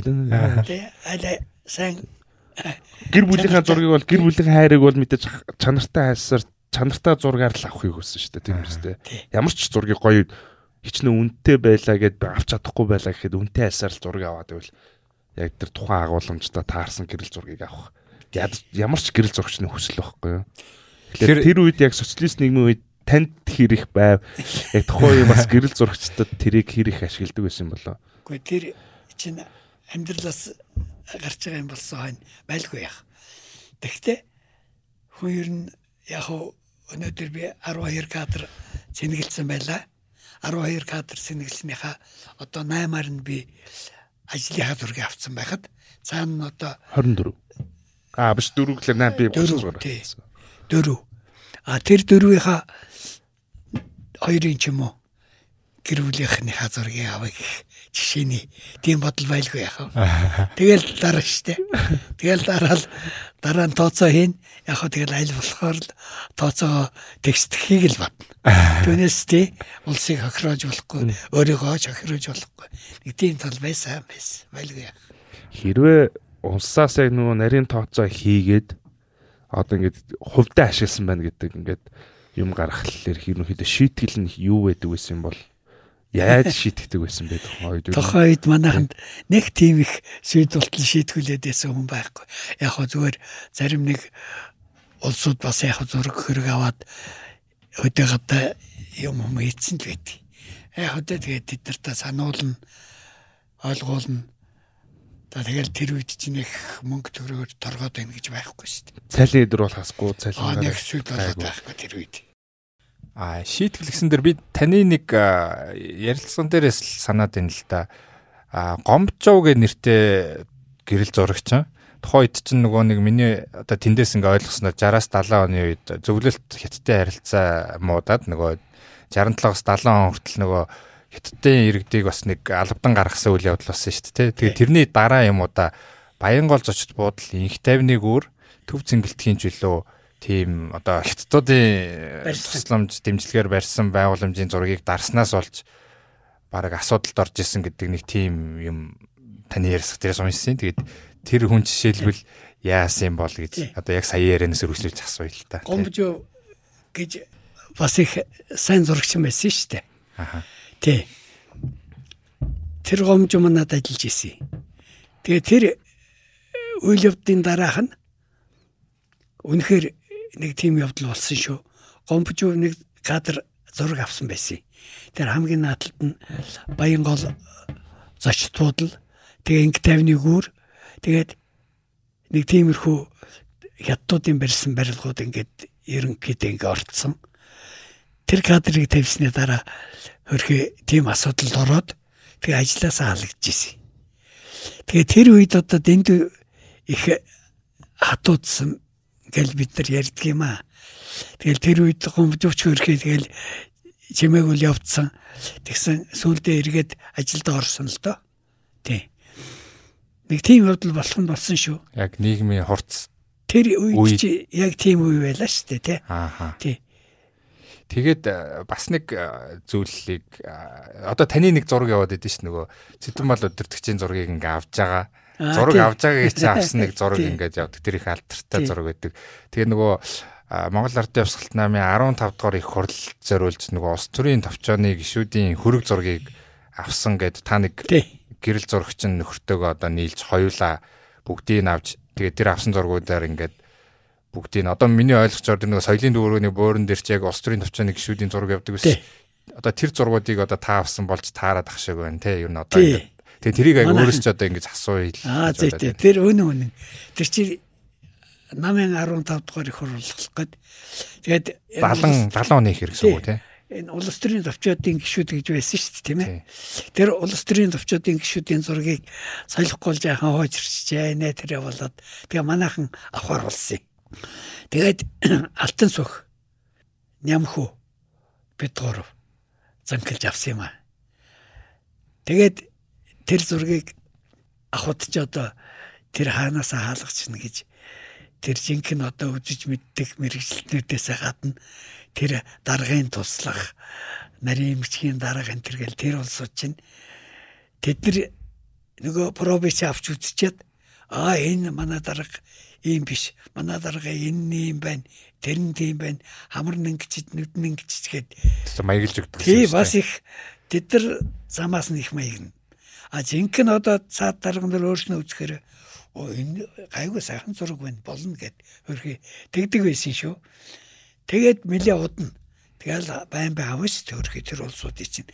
Тэр улсууд чинь тэгээд харин чиг тэр тухайн үед тэд нар чинь тэр дотроо хувц сунараа сольдог дотроо тусдаа өрөөтэй энэ төр байсан болох лээрэ төрийн ордонд уу те. тий ордонд.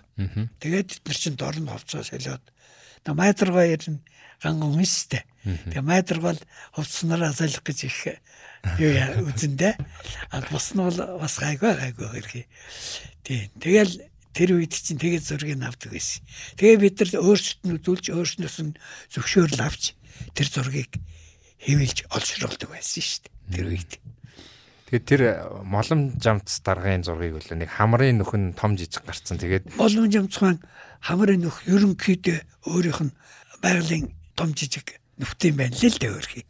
Тэгээд тэрийг олсоо дандаа анзаардаг. Тэгээд тэрийг бид янзлсан л да. Тэгээд хой арга техникээр яаж янзлах вэ? Тэр үед чинь техник гэж юм байхгүй. Ерөөсөө л засвар гэдэг чинь харанда шохоо тийм ээ бритв одоо нэг хурц худаг ийм юмар л гэрэл зур засан шүү дээ. Түүнээс одооныхтай адилхан фотошоп гэл Байхгүй. Хөө юу юу яасан тийм юм ястай байхгүй. Тэгээ тийм мэрэгжлийн тусгай хүн байсан шүү дээ манай дорж гэж. Тэр хүн бол хойно зөвлөлтөд юу яасан юм бэ нэлээ. Тэр э, нийтийн ахуй үйлчилгээний зураг авдаг хүн л дээ. Тэгээ тэр хойно бас тийм юм бэлдэж сургууль хийж ирсэн юм байл. Зураг цацдаг. Тэгээ тэр манад ажиллаж исэн тэр үед дорж байгаа. Тэгээд тэр улс төрийн төвчөнд гişүүдийн зургийг чинь дорж байгаа. Ястай гараараа янзлдаг байсан. Тэгээд янзч дуусны дараа олшруулж хийвэлдэг. Аа тэгээ олшруулж хийвэлдэн. Аа. Тэгдэг байсан. Зүг зүг. Одоо түрүүн тооёрын яг нөгөө ярьжсэн яриан дээрс одоо тэр хальстэй тусгай нарийн нандин чанартай хальсууд бол ингээд яг улсаас зориултын дагуу ашигладаг байсан юм байна. А зүгээр энгийн хальстэй зүгээр өөрсдийнхөө энгийн хэрэгцээнд зориулдаг тийм хальсыг яг хаагур хаагур зардаг байсан бай. Тийм ту- тухайн үед одоо яг юм гэрэл зургийн камер хэрэгслэр дагнсан дэлгүүр хоршоолол гэж байдаг байсан уу гэх гээд байна. Үгүй тийм дагнсан хоршидлгүүр гэж бол байхгүй л дээ. Яг энэ улсын ихтлгүүр, улсын ихтлгүүрийн соёлын бараан дээр гэрэл зургийн цаас бол ер нь элбэг байдаг байсан шүү. Унгарын цаас, Чехийн цаас, Тэгээ Орос, Оросих, ийш хятад Герман. Аа тий. Германых. Тий. Гэрэл зургийн цаас бол элбэг байдаг гэсэн. Аа Пленкны хувьд бол Орво тэ Чехийн Фома. Фома Тэгээ хятадын Лаки байдаг байсан. Хятадын бас аль. хятадын ховроо ховор хятадаас хайлс ховор Герман, Чех, Орос сургаас хальс ирдэг байсан. За тэгээ бидний нэг юу байдгийг одоо хэвссэн зан гэдэг юм уу да. Кино үйлдвэрийнхэнтэй бид нар чих холбоотой. Тэгээ кино үйлдвэрийнхэн ч кино зураг аваад илүү гарсан хальсаа.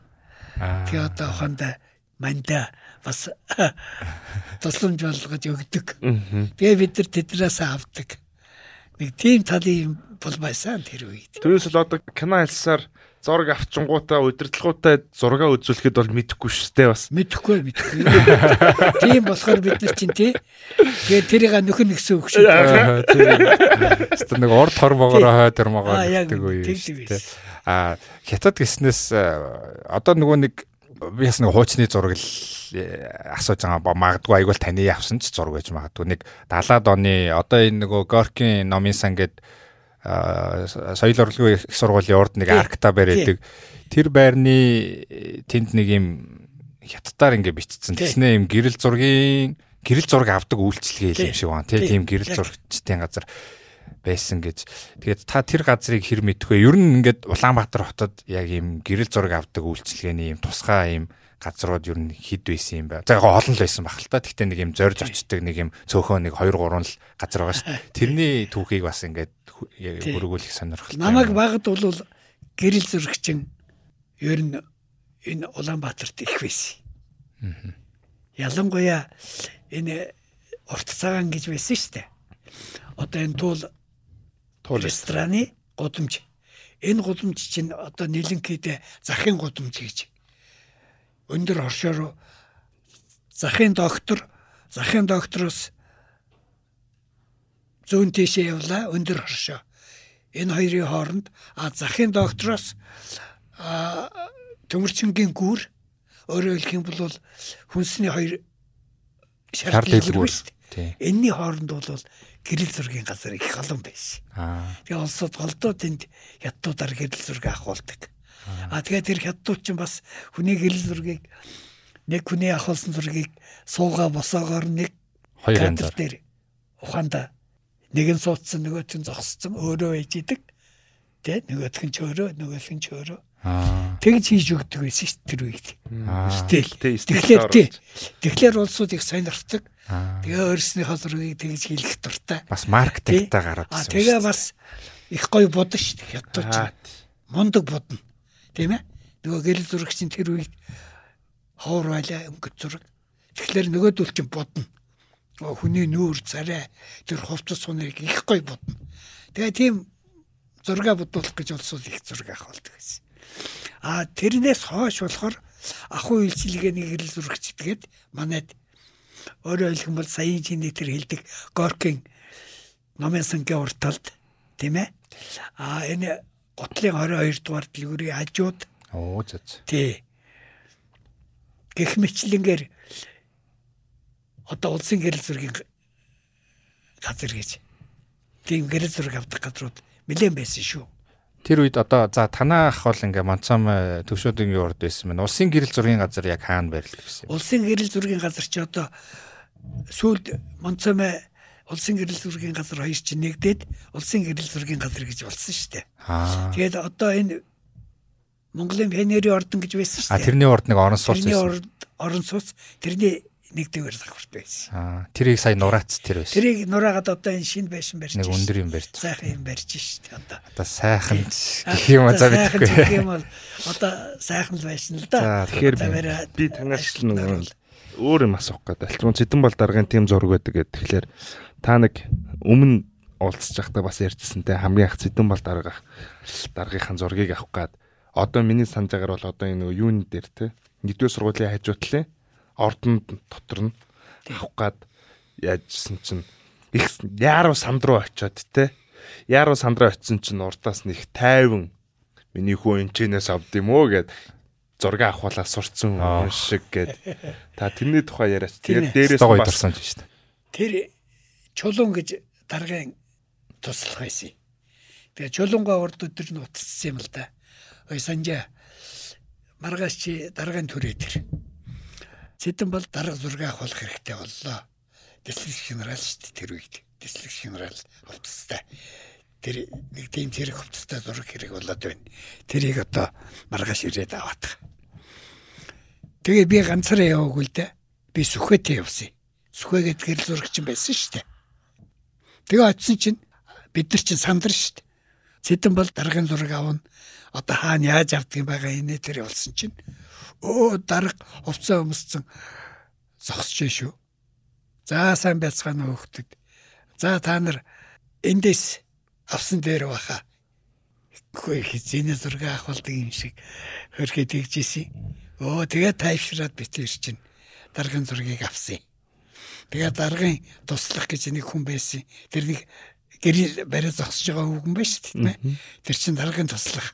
Тэр ах аж ах хариуцсан гэрт нь байдаг туслах. Тэр хүнээр тэр гэрэл мэрлийн бариулаад Одоо энэ зураг оо яг энэ зураг. Энэ тэгэхээр яг хэдэн оны зураг гэсэн үг үү? энэ чи 1974 он байна уу 75 оны зураг. 74 5 оны зураг. Одоо энэ зургийг болохоор сүхээгөө авсан гэсэн үг үү те? Энэ кадрыг зөвхөн авсан. А таны зураг авж байгааг Аа баримтжуулж байгаа тий. Намайг баримтжуулж байгаа. ч гайхалтай агшин шүү. Тий, сайн акшн. Сөхөө ер нь их сүрхэн штэ. Сөхөө ер нь их сайн зурагч юм байсан шүү. Бандрагшийн сөхөө гэж улсын гэрэл зурагт ажиллаж ирсэн. Тэгээ суулдаа манайдтай нэгдээд манайд ажилдаг болсон. Тэгээ хөрхи сүулдэ талбай дээр зураг авч явж хагаад тэгэл хөрхи насыг барсан л да. Их мундаг зурагч юм байсан шүү дээ. Сөхөө чинь. Их овцгоотой. Тийм. Хүний хараагүй юмыг хартсан байдаг. Тэр яа Хэлбэл юу ах вэ? Одоо энэ зураг шүү дээ. энэ зургийг хэлж болно тий. Тэр одоо жишээлбэл нэг малын зураг авъя гэхэд чинь энд нэг үнэ байла. Тэр үнэний доогор тэр дэлингийг оруулаад тэгээ тэр цаад малын зургийг авсан байх жишээд. Тэр чи хүн тэр болгон санахгүй шүү дээ. Малынхаа зургийг л авна гэсэн. Эд сүхвэ тэр үнэний дэлинг оруулдаг чинь бас тэр сүү сайл гэдэг ямар аш ач холбогдолтой байдаг үлээ ямар хэрэгтэй байдаг үлээ тэр чи бас үзүүлж шít. Тэгээд авчихсан тэр зөвхөн ер нь их сүрхий асгаатай сайн зурагч байсан. Одоо саяын оргиахын одоо цэдэн болгон асуултан дээр гээд нэмээд яхад а одоо жишээлбэл тэр нэг дараг даамал туслахууд нь бол ингээд ингээд жоохон сүр бадруулдаг байсан байна шүү дээ. Тэнгүүт одоо цэдэн болгоо бол өөрөө ингээд за энэ зурагчт нь өөрсдөө мэднэ те. Бараг та нар хол бай битгий зааварлаад бараг олон талаа юм донгосоод байдаг байсан юм шиг байна те. Үгүй тэглэв яах вэ? Тэрийг та нэг нэг ийм үйл явдал болсон. ааха Цэдэн бол даргын өрөөнд нэг зураг авахлаа л доо. Тэгээ киноныхан ч байсан бид нар бүгд байсан. Тэгээ зураг хөргөө ингээд аваад тэр чи бас нэг үйл явдал болсон юм аа. Одоо би яг санахгүй байна. Тэр надад санагдж байгаа нэг сайхан юм нь юу байна вэ гэхээр тэгээ зураг хөрг аваад тэгээ ингээ бүгдөө одоо нэг завсарлаад нэг жаахан сул байлаа л да. Тэгсэн чинь цэдэн бол даргын нэг туслах нэг хорондоо хүн байсан. Тэр алиа та нар авч зураг авсан бол одоо гарцгаа. Явцгаа гэхгүй. юу. Тэгэл заа зовлсон чинь дарга тэндээс хүлээж. Яаж зураг авах вэ? хаанаас авах вэ? Найдулсуу чинь мэднэ. Тэг чи яа юу яриад байгаа юм гэж. Тэгж бид нар нэг ялт байгуулж исэн. Тэгэл тэр ялтыг ялтын дараа бид нар бас яхаа одорчлоо юм. Хамраа жоохон Тэглэг яах вэ? Гэхдээ яар зэдэн бол дарагч бас өөрөө их хүчтэй хүн байх шүү. Ягаад гэвэл тийм шүү дээ.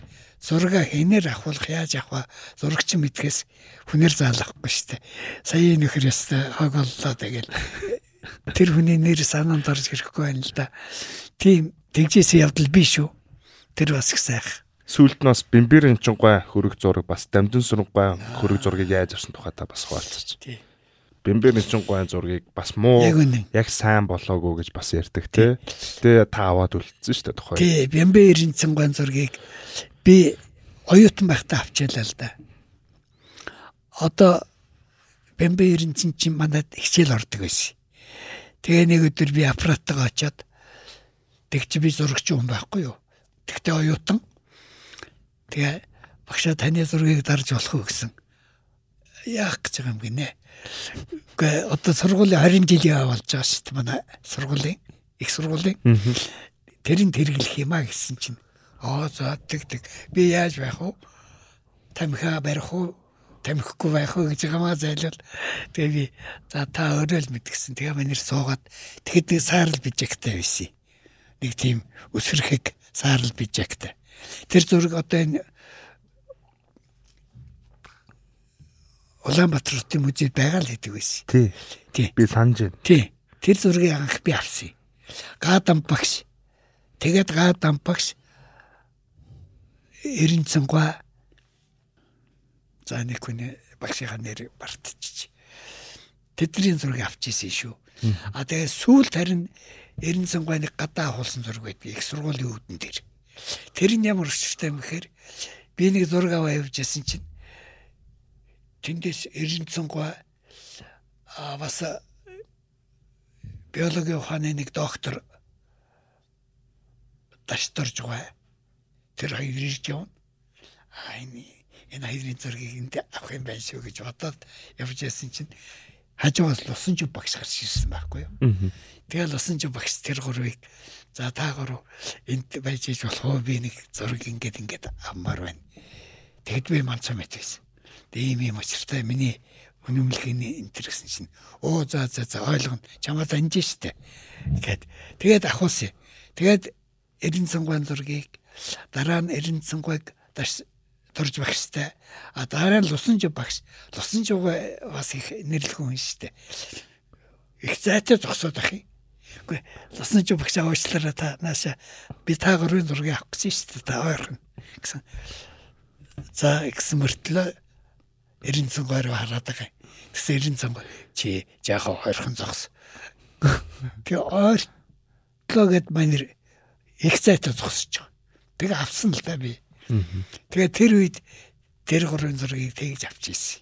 Тэгээд 96 зургийг 2 3 өөрийн ганцаарнгийн тийм ээ. 2 3 янзын байдлаар авч байсан үе.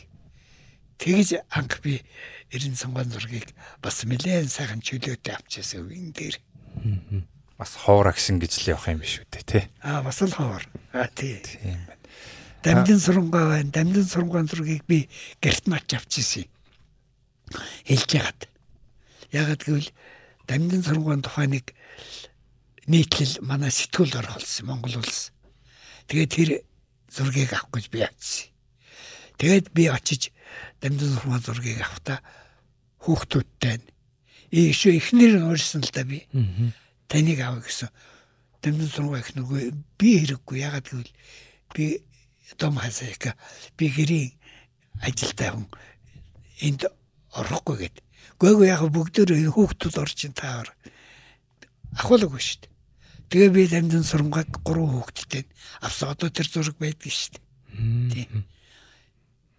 Тэр альбом хэвлэх бол тэр зураг байгаа л да. Аа. Тий. Тэр мэтлэнгээр. Тэгээд э, би танаас Одоо а за та яар. Эндээс ингээ улбаатай ингээд та мэдээж одоо төрийн тэргүүнээс ахуулаад за одоо э, Монгол улсынхаа яг урдаа барьдаг хил утга гурван зохиолын хүмүүсийн хөрөг зураг авлаа.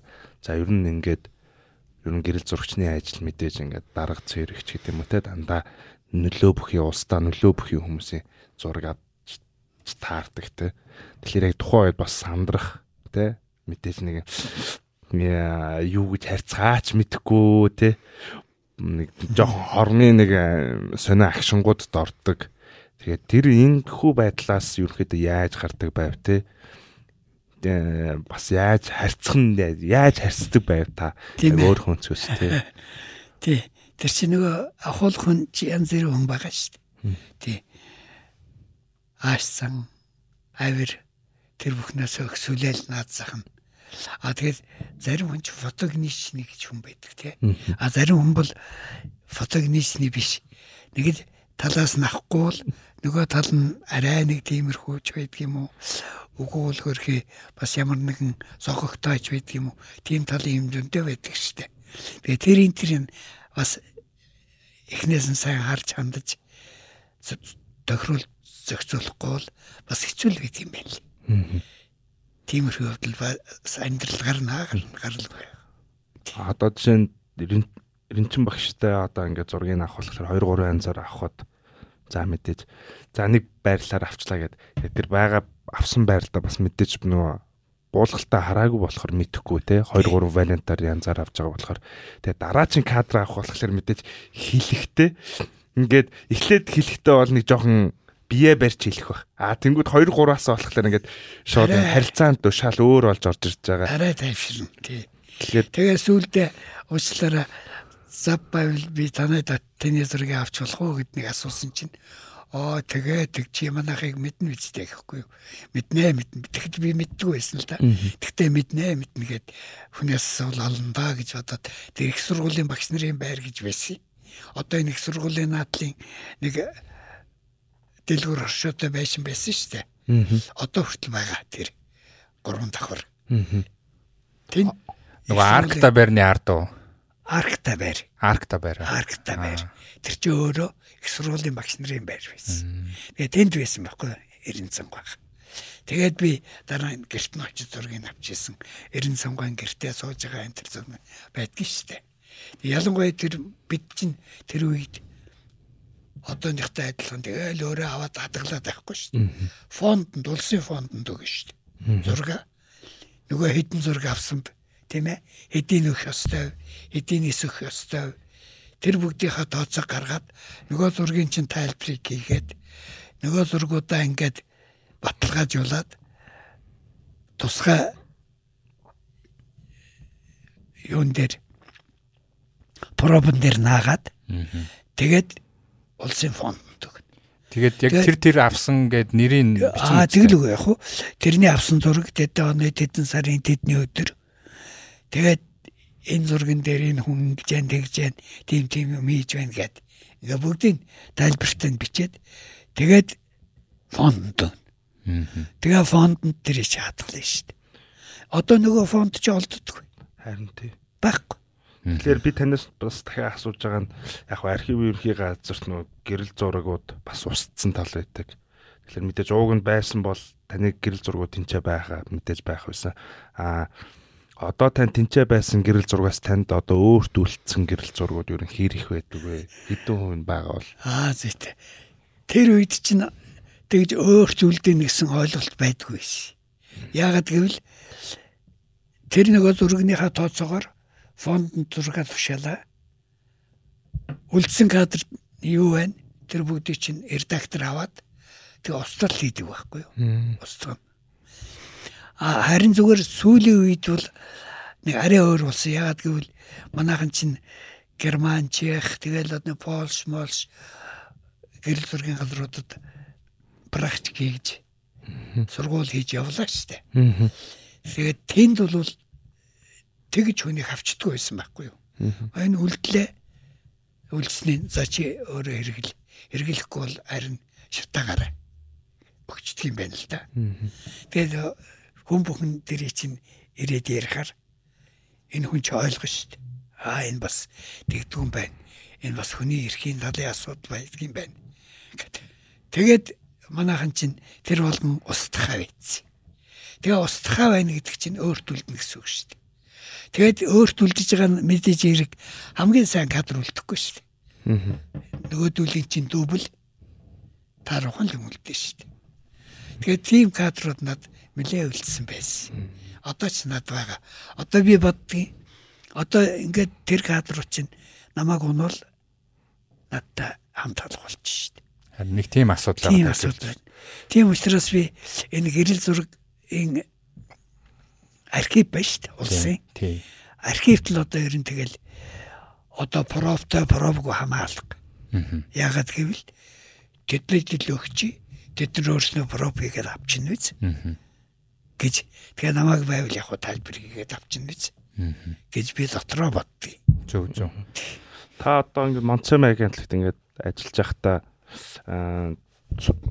гэрэл зургийн сурвалжлагч гэж явж байхдаа нэг сурвалжлагын дээр хэр удаан хугацааг зарцуулсан хамгийн урт хугацааны сурвалжлага танд юу байв?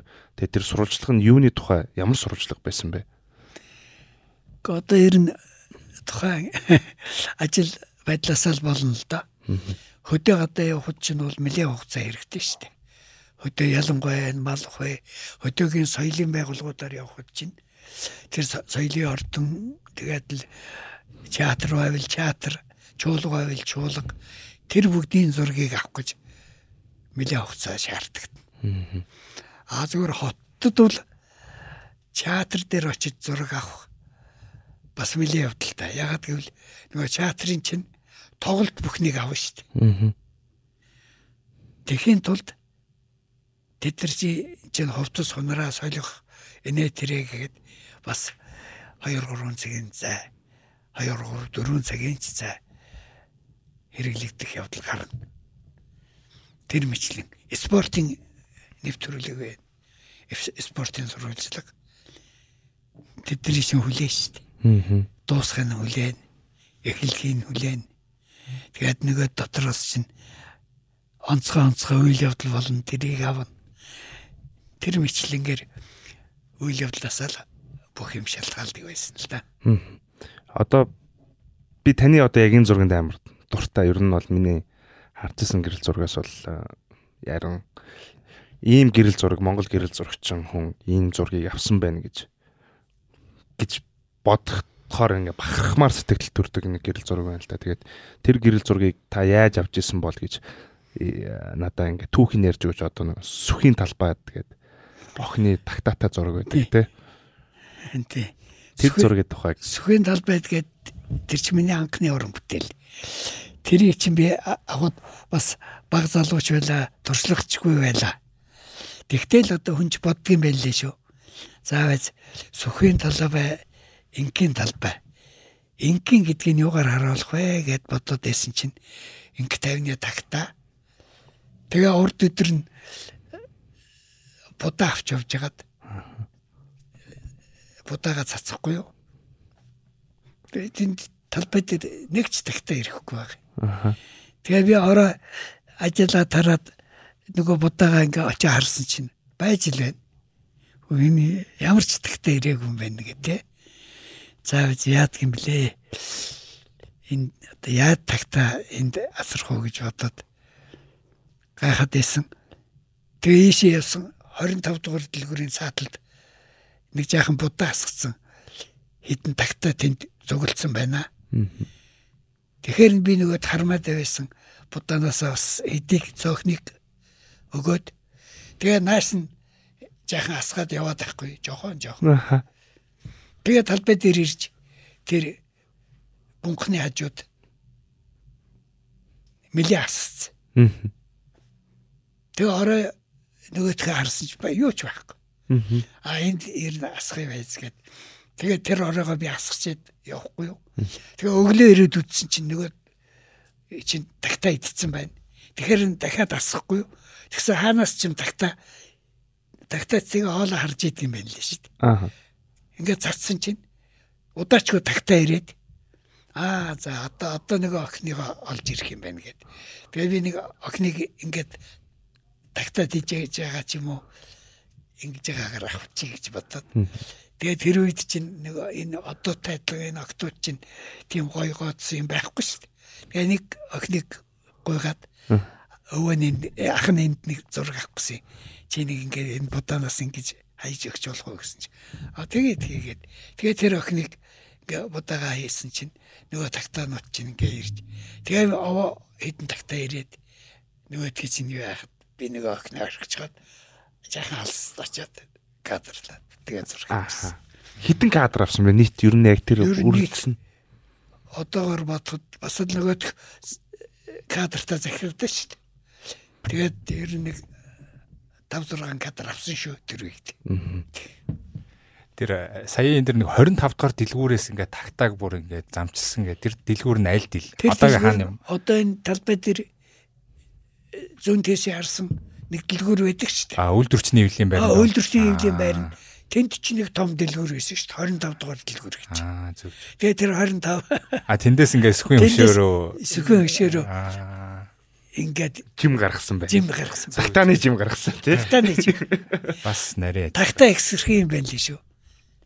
Тэгээ хоолой хаана байна гэдгийг харж яадаг. Үгүй тэгэнтэй хөрхөө тэгэлгүй. Тэгээд та Мон- Монголын цахилгаан мэдээ агентлагт ажиллаж агаад Монголын урчуудын эвлэлийн хороонд бас тэнцэнээсээ тэтгэвртэй гарсан. Тий. Тийм. Урчуудын хорооны эвлэл гэхлээр одоо тухайн одоо уран бүтээлч, зураач нар, баримлч одоо бүх уран бүтээлч нартай найз нар болсон байна. Тэгээд тухайн үед яг одоо өөрөөр хэлбэл нэм өдөр тутмын нийгмийн амьдралаас гарангуудаа Монголын цахилгаан мэдээгээс гараад урчуудын эвлэлд орохлоор шал бас дахиад нэг өөр ертөнц байгаа тий. Өөр ертөнц болоо. Тэгэхэд яг тухайн үед ажиллаж исэн процессыг таган бас яриач өгөөч бид нар. Тэр Монцомед би уг нь ол нэлээд хэдэн жил болсон шүү дээ. Яг хөө тэгэл замын эсрэг талд л юм да тий. Зам гараад ажил юм байна. Тий. Монцомегийн гэрэл зүгийн редак ерөнхий редакцт би 13 жил ажилласан. 13 жил ажиллаад тэгээд манай удирдлага шин залуу улсууд ирсэн л дээ. Тэгээд тэр шин залуу улсууд чи янз бүрийн бодол санаатай улсууд байна шүү дээ. Тэгээд тэр улсуудтай заримтай нь бас яхав дээ. Таар тохирохгүй ажиллаж байна. Стар тохиромж байна. Тэгээд тийм юмнаас болоод би 1980 онд энэ улсын гэрэл зур- зургийн газартай нэгдснийхэн дараах нь Монцом гэс намайг гаргацсан. Өөрөөр хэлбэл Монцом намайг ажлаас салчихгүй юу?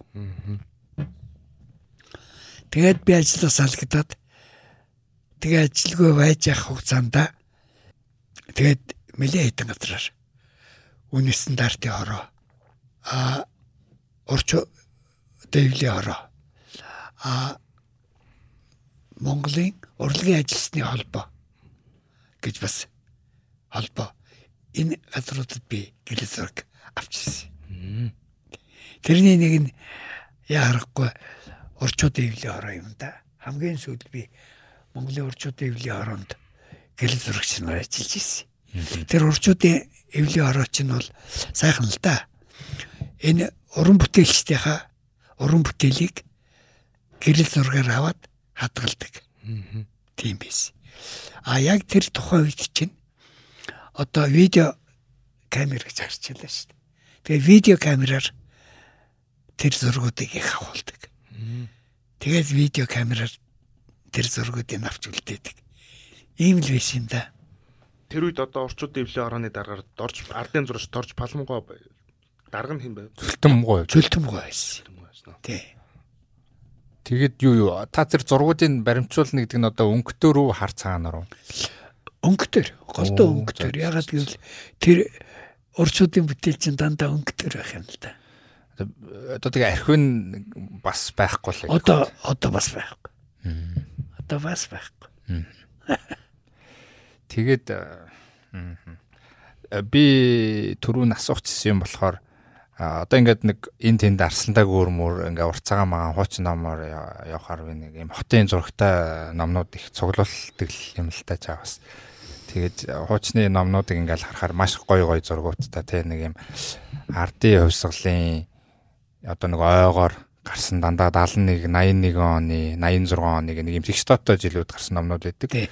Тэгээд тэр номнуудыг ингээ харж ангуудах нэг нэг зарим нэг зургийг таалагдтал. За энэ зургийг одоо ингээл гоё угаалгын аав ич гэдэг юм уу тийм юм янгууд яг хин авсан нь бөө мэд. Ард нь яг хөө ингээд бүх нэрийг бичсэн байгаа л да. Одоо тэн тэр тий. Улята хөө одоо таны нэрч явж явах. Санж Митовч гэж байж лаа. Тэгээд яг аль нь альных нь бөө мэд. Бүүмэд. Зарим нь ингээд бурхны оронд явцсан тий. Ингээл цөө хитэн Ахмад үеийн төлөөлөл нь үлдсэн байдаг. Тэгээд тэндээс одоо тухайн үед яагаад тэгдэг байсан юм бол ингээд нэг тухайн тэр нэг зургийг авж байгаа тэр бүт- бүтээлч хүнийг ингэж онцгойлж үнэлэхгүй ерөнхийд нь ингэж олноор нь ингэж хамаатуулж яг л нэг л хүн гэдгээр ингэж хардаг байсан юм уу гэж л зүгээр би хараад байгаа байхгүй. Ингээд нэг тус тустай юм оршихуу гэдгийг ингэж онцгойлохыг хүсдэг байсан байгаа байхгүй. Одоо үед бол ингээд хүн зурагчин болгоны Нэрийг. юм маяг нэрийг бол бас дурдж जैन ингээд нэг өөр л болчихлоо л та. Тэгээд Тэгсэн. тэр үеийн одоо та бол ингээд 60 жилийн Монголын гэрэл зургийн салбарын түүхийг мэдж байгаа хүн одоо өнөө цагийн үеийн хэм маягийн ч мэдж байгаа. Тэгэхээр тухайн үед ер нь яагаад тийм нэг юм Тухайн үед чинь одоо тэр төв хорооны дэргэд хэвлэл мэдээллийг хянах газар гэж байсан. Тэр хэвлэл мэдээллийг хянах газар гэдэг чинь тэр номонд ямар зураг оруулах вэ?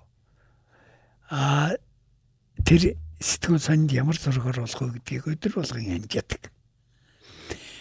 Тийм ба учраас тэр хүний нэр бас хамаатай байдаг гэсэн байхгүй юу? Энэ зураг хэний зураг вэ? Оо санжмитрийн зураг юм байна. За энэ нэрийг тавиад яах юм бэ? Энд зүгээр нэргөө тавьчих. Тийм явдал зөндөө байдаг байсан шүү дээ. А тэр хэвлэл мэдээлэлд ажиллаж байгаа сурвалжлагч өөрөөр хэлэх юм бол залуучуудын үнэнд ажиллаж байгаа пионерын үнэнд ажиллаж байгаа лусан шагдар бодоош гэдэг улсууд бол яг өөрснийхөө зургийг аваад сониндоо тавихта дорн нэрээ тавьж байгаа. А тиймгүй жишээлх юм бол манцамагийн гэрэл зурагчтай авсан зургийг ямар нэгэн хэвлэл мэдээлэл тавихта зарим нь ерөөс ямар ч нэр ус байхгүй хаяг байхгүй. Тий.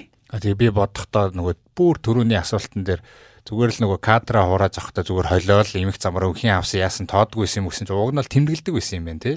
Нэр устаа нөгөө тэмдэглэн тий. Яг хөвлөлд байхаараа болохоор Тэгээ яг тий. За хинийх нь юу яасан яах вэ? Хинийх нь ч урдаа хойно байсан ядгийг гих маяг. Тэгээ ард нь нь бичдэг. Тий. Бодоош тулмаа долгор гэд ингээд эдний зураг орлоо гэд нийтэд нь тэгдэг. Тэгээ хин хиннийхэн бүүм. Тий, бүүм мэд. Аль зургийг хиннийхэн бүүм мэд шүү дээ. Харин нэг тийм. Тэгээд нөгөө нэг оч хоёр ах Улаанбаатар музейн оч хоёр ахын ярьжсэн яриаг л санаж ин л та бүр нөгөө нийслэл хүрээ өргөө хотын үед нөгөө анх гэрэл зургийг ингээд гэрэл зураг авч эхэлжсэн те Оросод тэгээд гэрэл зураг ахуулна гэдэг нь өөрөө маш өндөр өртөгтөө одоо баг юм тайж язгууртан баячуудын ажил те? Зүгээр нэг жирийн хүн сонирхоод барангуй ажил байсан гэд. Тэнгууд эн чинь ингээд нэг он цагийн явцдаа хувьсаад ингээд яваад дээ те? Тэгэхээр одоо юу гэмдэ таны хувьд тухайн хүний одоо гэрэл зурагчны нэг онцлогуд байгаа л ахalta таны хувьд яг тэгэж үн цэнтэйгээр нь анханаас нь тэр үн цэнийг ингээд яг өндрөөр нь барай явах байсан ёстой юм болов уу? Эсвэл ингээд хүн болгоны юу гэх юм да одоо нөгөө хүн болгоны хэрэглээнд нийцээд ингээд ирэхээр эн чинь нэг хинч чаднаа гэдэг нэг юм ойлголт ингээд суугаад нь шүү дээ. Яг өнөө цаг үед. Одоо жишээ нь яг одоо бол бид нар гар уцаараач зураг авчих. Наадах чинь уцаараач авчихна гэдэг нэг юм сонир хандлага байна. Би тэрэнд айгу дургу байдаг байхгүй. Тэгээд юу гэмдэ одоо энэ нэг он цагийн 50 60 жилийн хугацаанд энэ салбарын яг нэг юм оргил үе нь хизээ байв. А жоохон уналттай үе нь хизээ байв Тэгээд ямар хүмүүс энийг ингэж үнцэн одоо яг мэрэгжлийн хүрээнд ингэж авч явж байдаг байвал гэж асуух гэдэг юм л да. Би одоо айгүй олон юмнаас холиод нэг юм бантан шиг асуулт асуучлаа. Тэгээд үгүй үгүй. Энд бас чухал асуулт. Ягаад гэвэл энэ түүх гэрэл зургийн одоо хөгжлийн түүх бол бас л хүнтэй холбоотой шүү дээ, тийм ээ. Тэгээ хэн ажиллаж байна, хэн зураг авч байна, хэний зургийг тавих гэж байна, хэний зургийг эс тавих гэж байна гэдэг асуудал чинь бас нэг хүний бас хяналтанд ч байдаг юм уу? Тийм байсан үе байгаа юм л да. Энэ төв хорооны хөдөл суртлын хэлцс гэж актер юм байлаа шүү дээ. Тэгээ тэнд ажиллаж байсан улсууд гэдэг чинь бас тус тусдаа хувийн хүн шүү дээ, тийм ээ. Тэгээ тэр хувийн улсуудын хүнд харьцах харьцаа, хүнийг үзэх үзэл бодол бүгд өөр шүү дээ. Тэгээд тэр болгоноос болоод гэрэл зургийг ухаанда одоо хүмүүсийн дунд тэр чигт нь хайдаг ч юм уу эзэнгүйдүүлэх ч юм уу тийм асуудал бас гардаг байсан гэж би санддаг. А зүгээр тийм биш үе эхэллээ гэхдээ чинь одоо энэ сүүлийн үед бол хүн бүхэн одоо өөрийнхөө авсан бүтээлийг хамгаалж чадчих шүү дээ тийм ээ. Тий. Тэр үед чинь одоо засаглал захиргаа гэдэг чинь бас арай өөр хатуу ширүүн байсан үе. Яагаад гэвэл тэр биенийхээ дор ажилтдаг улсууд чинь бие биендээ одоо тал засах ч байдаг юм уу? Нэр хүнд олж авах гэж байдаг юм уу? Тэгж ажилдаг байсан улсууд чинь тэр хүний уран бүтээлийг дандаа одоо тус нь ялгадаг, салгадаг. А энэний бүтээл ийм, энэний бүтээл ийм. Энэ хүний бүтээлийг урд нь тавь, энэ бүтээл хүний бүтээлийг хойно тавь гэх маягаар ялгадаг байсан. Тийм цаг үе байсан болоод тэр хүний одоо үзэл бодлоос хамаарч тэгж ялгагддаг байсан болов гэж би одоо боддог. Тэгээд ер нь таны хувьд тэгвэл за ингээ урчуудын хөвлөөс та тэтгэртэй гарсан гэсэн нийгэм солигдоод социализмын үеэс ардчлал руу гарсны дараах 90-ад он тэр үед та за тэтгэртэй гарсны дараа магадгүй илүү өөрийнхөө сонирхдаг гэрэл зургуудыг авдаг болсон байх тий. Тэгээд 90-с 2000 оны хооронд за өнөөг хүртэл та одоо яг ямар хуу чиглэлд одоо аж түрэн амьдарч одоо гэрэл зургийнхаа мэрэгчлийг одоо ашиглаж байна да. А одоо тэр мэрэгчлээ ашиглаж өөрийнхөө гол чиглэлд одоо энэ хот хот байгуулалт би хоёр үзэсгэлэн гаргасан л да. Тэгээд нэг үзэсгэлэнгээ би хотын хүний зураг гэдэг нэрээр гаргасан. А нөгөө үзэсгэлэн хот хотынхан гэсэн нэрээр. Тэгэхээр энэ яг хотынхаа л одоо амьдрал ахуй хөгжил соёлыг л харуулах л тийм л зорилгоор одоо сүүлийн үед арай чөлөөтэй юм да хот. Тийм л зураг авч байна. Тэгэхээр энэ хотын өөрчлөлт одоо ер нь танд ямар одоо санагддаг. Одоо бид нар залуу үе үзэж хараагүй маш олон зүйлүүд байгаа. Тэгэхээр энэ үеийн онцлогийг ялгаа сайн муу талыг та нэг товчхон сонсогчдод зориулж хэлвэл нэг талда хот хөгжнө гэдэг чинь улс орны нүүр царай өөрчлөгднө гэсэн үг. А тэр тал дээрээ бол хот бол сайхан барилга байгууламж, гудамж талбай тийм ээ. Гар одоо чимэгдэж байна Улаанбаатарт. Гэм нь жаахан эмх замбраа байхгүй. Дур дураараа. Ёстой нөгөө Монгол гэрээ бид нар чинь хөдөө гаргаад дуртай газараа барьдаг шүү дээ. Нарийн ярих юм бол цаанаа тэр чинь дуртай биш. Тэр газраа сонгоно. Тийм ээ?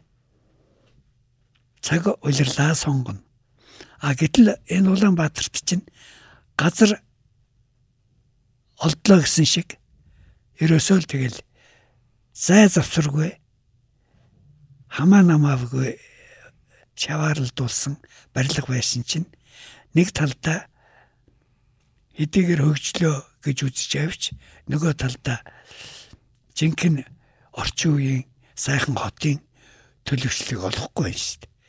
Одоо энэ жишээлх юм бол бид бэлгийн хороолол гэл Брежнев даргын барьж гисэн хороол ланканта ямар байлаа да. Бид бүгдөө мэдж байгаа шүү дээ. Тэр заа тэр барилгуудын хоорондох орчин тэр сургууль соёл эмнэлэг худалдаа үйлчилгээ бүгд зөгцсөн хэмжээтэй дамжаатай байсан. Оо тэгээд нөгөөх 90 оноос хойш нөгөөх хувийн хөвшил улсын юм маань аль нь ч мэдгэдгээ байгаад дуртай нь дуртай газараа байшингаа бариад дуртай нь дуртай газараа үйлчлэгнийхээ оршоо дэлгүүрийг бариад эхэлсэн чинь одоо харалт. Одоо ямар ч юмх замбраа байхгүй. Ийм л хот болж шүү дээ. Тэгэл одоо энэ хотыг аль болохоор өнгөтэй өвдтэйг л одоо шилэд сонгож түүж авна уу гэхээс биш. Одоо хотоо авъя гэх юм бол авъя гэсэн газар маань харагдахгүй. Тэгэл бах байдаг.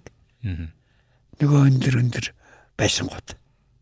Бетон байшингууд. Харин. Таны хувьд тэгвэл одоо зүгээр 38 оноос 2022 он хүртэлх ингээд Улаанбаатар хотын хамгийн нэг юм оргил нөгөө нэг Азийн цагаан дагн байсан гэж ярьдаг үе байгаа шүү дээ бас тий. Тэглүү яах вэ? Яг нэг тийм хамгийн гоё үе нэг 5 жилээр нь ч юм уу ингэж барагцаалж ярил яг таны одоо хамгийн туртай за энэ энэ жилүүд бас их сайхан байчуу гэдэг тийм хэсэг нь айл юм бол За Улаанбаатар хотын чинь Азийн цагаан дагн гэж нэрлэгдэг жилүүд ч одоо 1900 50-аад оны сүүлчээс 1970-аад оны ихэнх үе хүртэл а, Улаанбаатар хотын чинь Азийн цагаан дагн гэж нэрлж ялаа шүү дээ. Тэр үед чи одоо энэ хэвлэл сонин сэтгүүлд гарч ирсэн зургууд чинь их сайхан өнгөлөг цагаан тийм байсан учраас тэгж нэрлсэн болов уу гэж би бодож байгаа. Тэр үеэл ер нь тэгээд эцсийн эцэстэй эхлэл байсан. Эхлэл гэдэг чинь юмны эхлэл гэдэг чинь бас сайхан эхлэл сайхан, эс сайхан эхлэл муухай. Тийм учраас тэр сайхан эхлэл тэгж байсныг дарын сүүлийн үед яхан муухай болгоо ичлээ л да. Тэр сайхнаар нь барьж байгуулж исэн бол Улаанбаатар хот чинь шал өөр байх хэрэгтэй байсан. Одоо та ингээд сүүлийн жилүүдэд сая заах ковидын үеийн жил та бас гэр орноосоо гараагүй те жоохон а ер нь сүүлийн үед та бас гэрэл зураг авч байгаа юу а одоо өөрт ер нь ингээд олон жилийн хугацаанд ингээд гэрэл зурагтаа ингээд нөхөрлөөд найзлаад явж байхдаа одоо би нэг тийм зураг авчих юмсан гэж боддог бодол мэдээж төсөөлж байгаа бодол бол байгаа бах. Тэгэхээр та тэр төсөөл бодлоо бас бидэрт явж өгөөч нэг тийм зураг гэд. Одоо одоо яг тийм гэд тодорхойлоод хэлчих юм яг чэйжийн тул алга. А гэхдээ одоо энэ сүүлийн үед чинь нөгөө техник тоног төхөөрөмж чи шал өөр болцсон. Одоо дрон гэд нэг юм гарлаа шүү. Одоо дроноор авсан зургийг харахад хүнд бас нэг бодогдох юм байна шүү. Гээрдээ зөвдөө ингэж л харуулмаар юм. Дээр үед бидэрт бол тийм дрон гэж байсангүй. Хэрв дээр үед байсан бол бид их сайхан юмнуудыг харуул бол харуулж болох байж тээ гэсэн тийм бодол хаяа төрдгөн шүү. Одоо зүгээр жишээ болгоод та нэг яг энийг ингэж авах байсан да гэдэг юм байгаа. Гэхдээ ер нь л одоо тэгээд эцээ эцэст ингээд өөрийнхөө бодож байгааг хэлэхэд ер нь тэр үед бид нар чинь зураг авъя гэхээр чинь захиална тийм ээ. Улсад захиалгаа өгнө. Онгоц өмд мөнгөө төлнө. Тэгжээж ганц нэг удаа зураг авна штэ. А яг улсын ой инээ тэрэ болоод нэг онгоц нэг нисдэг штэ. А тэр үеийг ашиглаад тэр онгоцонд орж зураг авчишээ. А зүгээр таньдаг мэддэг ганц нэг нисгчтэйгээ ярьж хагаад тэдний нислэгийн үеэр нэг онгоцод нь зураг авчихсан шүү дээ. Тийм л байсан болохоос биш. Одооны адилхан өөрснийхөө дур зургаар дроны нисгээд зураг авчдаг тийм юм байгаагүй болохоор. Тэг сэтгэлд тийм юм өнгөрсөн юм тэгдэг байжтэй гэсэн юм бол байна. Чухам юу нүлээ гэдгийг одоо бас хэлэхгүй байна шүү. Тэгвэл яг тийм ховор момент те одоо дахиж яагаад ч магадгүй давтагддггүй тийм хэсгийг одоо маш санаандгүй байдлаар дарцсан. Тэгээ тэрүүгээрээ нэг юм сэтгэлд омогшсон бахархсан тийм кадр би бол танд байгаа л гэж бодож байна. Аа байлгүй. Тэндээсээ та нэг хоёрыг ингээд дурсвал Тэгээ бидний одоо хамгийн өндөр цэг энэ урд соёмтой байж тээ. тий. Энэ энэ дээр л бид гарч зураг авдаг байсан. Тэгээ би нэг голдуу зинса броникагаар авна л да. Хотын зургийг. Тэгээд нөгөө 500 метрийн Дуран. дурангаар авахар багтаан цайтай. Жишээлх юм бол би энэ стадионы зургийг авъя гэхэд стадиона оруулаад и стадионоос өмнө байгаа объект тэр цаана байгаа объект бас ордог байхгүй юу? Саяхан нэг зураг байсан. Энэ зурагтаа жоохон төстэй үйл юм тий. Аа яг үнэ тий. Энэ мичлэнгээр. Тийм л одоо зураг өөрөөр хэлэх юм бол тэр зайсангийн дээрээс улсуу зураг авсан байдаг шүү дээ. Хотыг. Тий. Тэр зайсангийн орой дээрээс авсан зураг. А тэр зүгээр дороос авсан зураг хоёр шал өөр шүү дээ. Тий. Тэр мичлэнгээр. Тэгээд тэр цэг гэдэг чинь их чухал юм шүү. Гэрэл зургийг авахд цэг сонгоно гэж. Их чухал. Хоёр зураг чинь нэг дороос шахуу нэг зургийг авахд хоёр өөр гарсан байдаг шүү дээ. Тэр чинь яг тэр цэгээсээ шалтгаалж байгаа. Тий. А таны нөгөө ярен дээр байсан те нэг одоо бодвол нөгөө залуу зурагчдад бас зөвлөж байгаа болов уу гэж би тэрийг харсан байхгүй нэг жишээлбэл нэг хуучны барилга байгууламжийг авал заавал нэг хаяжуугийн 2 3 дахь нэмэлт зүйлтэй хавсарч авахгүй бол дараа нь зөвхөн нэг юуг авчгаар тэр нь байхгүй болонгууд одоо нотлогоо биш болох Бодлого биш болчдөг. гэдэг юм. тал биш шүү. Тий. Нэгдүгээрт. А хоёрдугаарт а тэр аппаратанд хийж байгаа дуран хэдэн миллиметр байна. Тэрнээс шалтгаалаад нэг цэгээс авсан хоёр зурагчны нэг авсан зураг хоёр өр гарах жишээт тий. Хэд хэдэн янз байх жишээт. Тэр бүгд чинь одоо энэ техниктэй холбоотой юм л да. Тэгээ дуран гэдэг чинь их гайхамшигтай юм аа. Ялангуяа одоо энэ сүүлийн үед чинь энэ дурангууд чинь одоо ганцхан суурин дээр Аа татн тий. датан, статн Өргөн болчин. өргөн болно шүү. Энд чи их очиртай юм байдаг юм байна шүү. Бидний үед бол тийм байсангүй шүү. Бидний үед ч өөрхий дурангууд нь тус тусдаа цүнхэндээ бүх дурангаа хийж авч явж ижил сая бүх юм бүтэн өгөхөөс биш. Одоо бол ганцхан дуран авч яваал ганцхан аппараттай.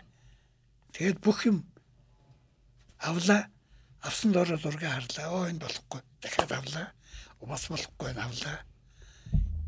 Ийм болсон байхгүй юу?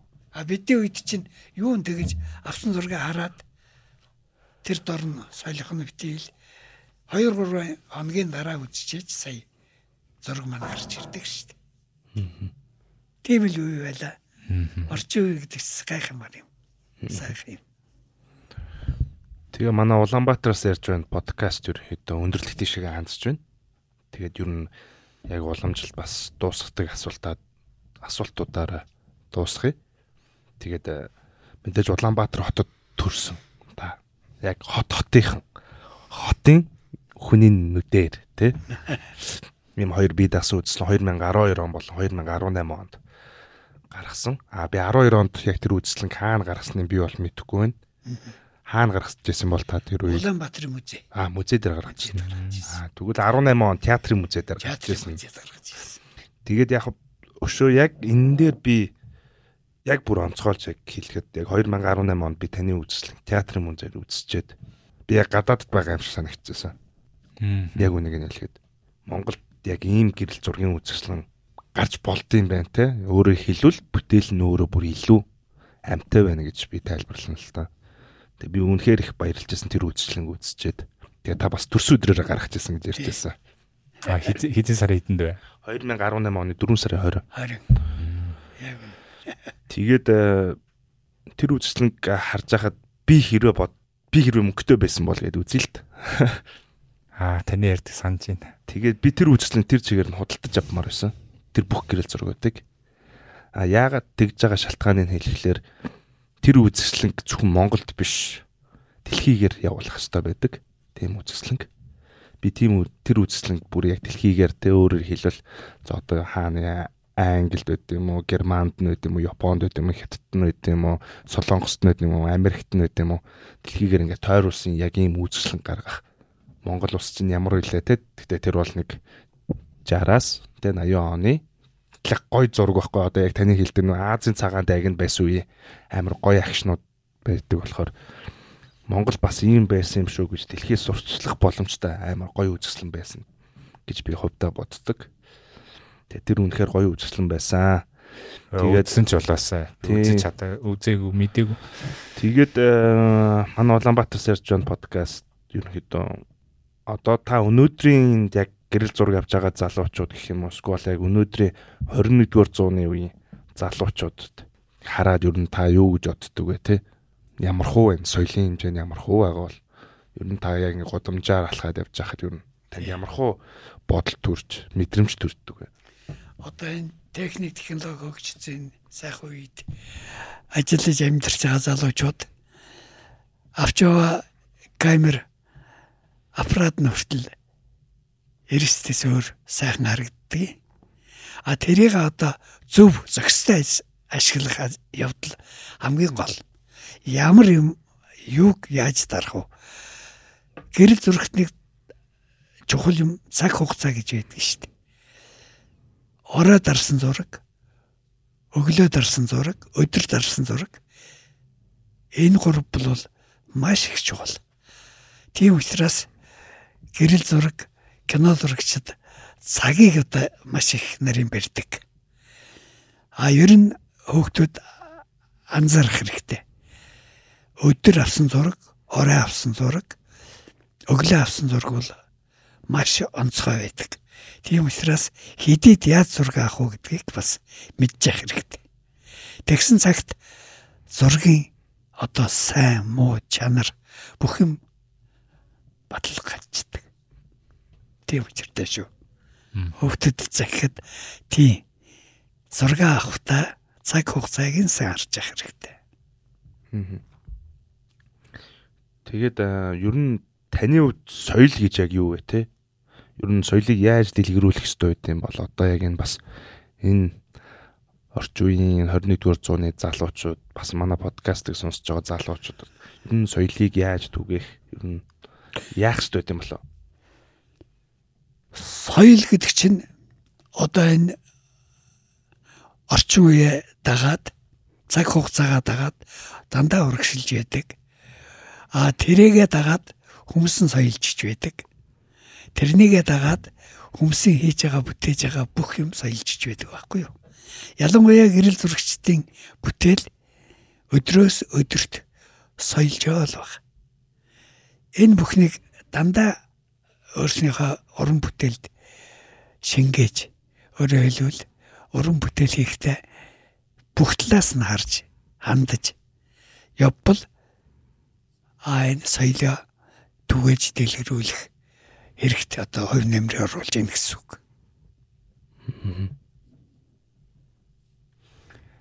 За тэгээд э, санж битугаа танд маш их баярлалаа.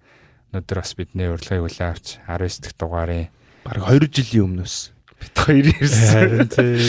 Таныг оруулна гэж одоо маш олон удаа бас өрсөн дээ. Тэгэл ер нь зочид болгоно л тийм байдаг л дөө. Тэгээд бас энэ удаагийн урилгыг бас бид хоёрын подкастыг бас ингээд яриа өгч э, цаг заваа зарцуулсан танд одоо маш их баярлж байна. Тэгээ бид нэр маш гоё сонирхолтой түүхийг сонслоо. Тэгээд бас магадгүй асууж яриулж чадаагүй ч зүйл байгаа бах. Одоо миний хувьд бол бас залуу бас гэрэл зургийн салбараас зүгээр сонирхсогч л болохоос бас маш хол те тэгэхээр надад бол яг яг одоо ингэ ярьж байхад бол ингэ нэг ганц нэг юм дотоолт болцсон л юм шиг санагдаа. Айгүй бол магадгүй ярианы дараа өө нэрээ тэрийг асуух байсан даа гэх бах. Гэтэ яг хуу магадгүй тэгээд бол гол юм аа л тэгэл яриулсан гэж би бодож байна. Тэгээд таныг бас ирсэнд маш их баярлалаа. Оо баярлалаа. Би ч гэсэн та нартай их баярлж байна. А надад ч гэсэн бидний хэрэг.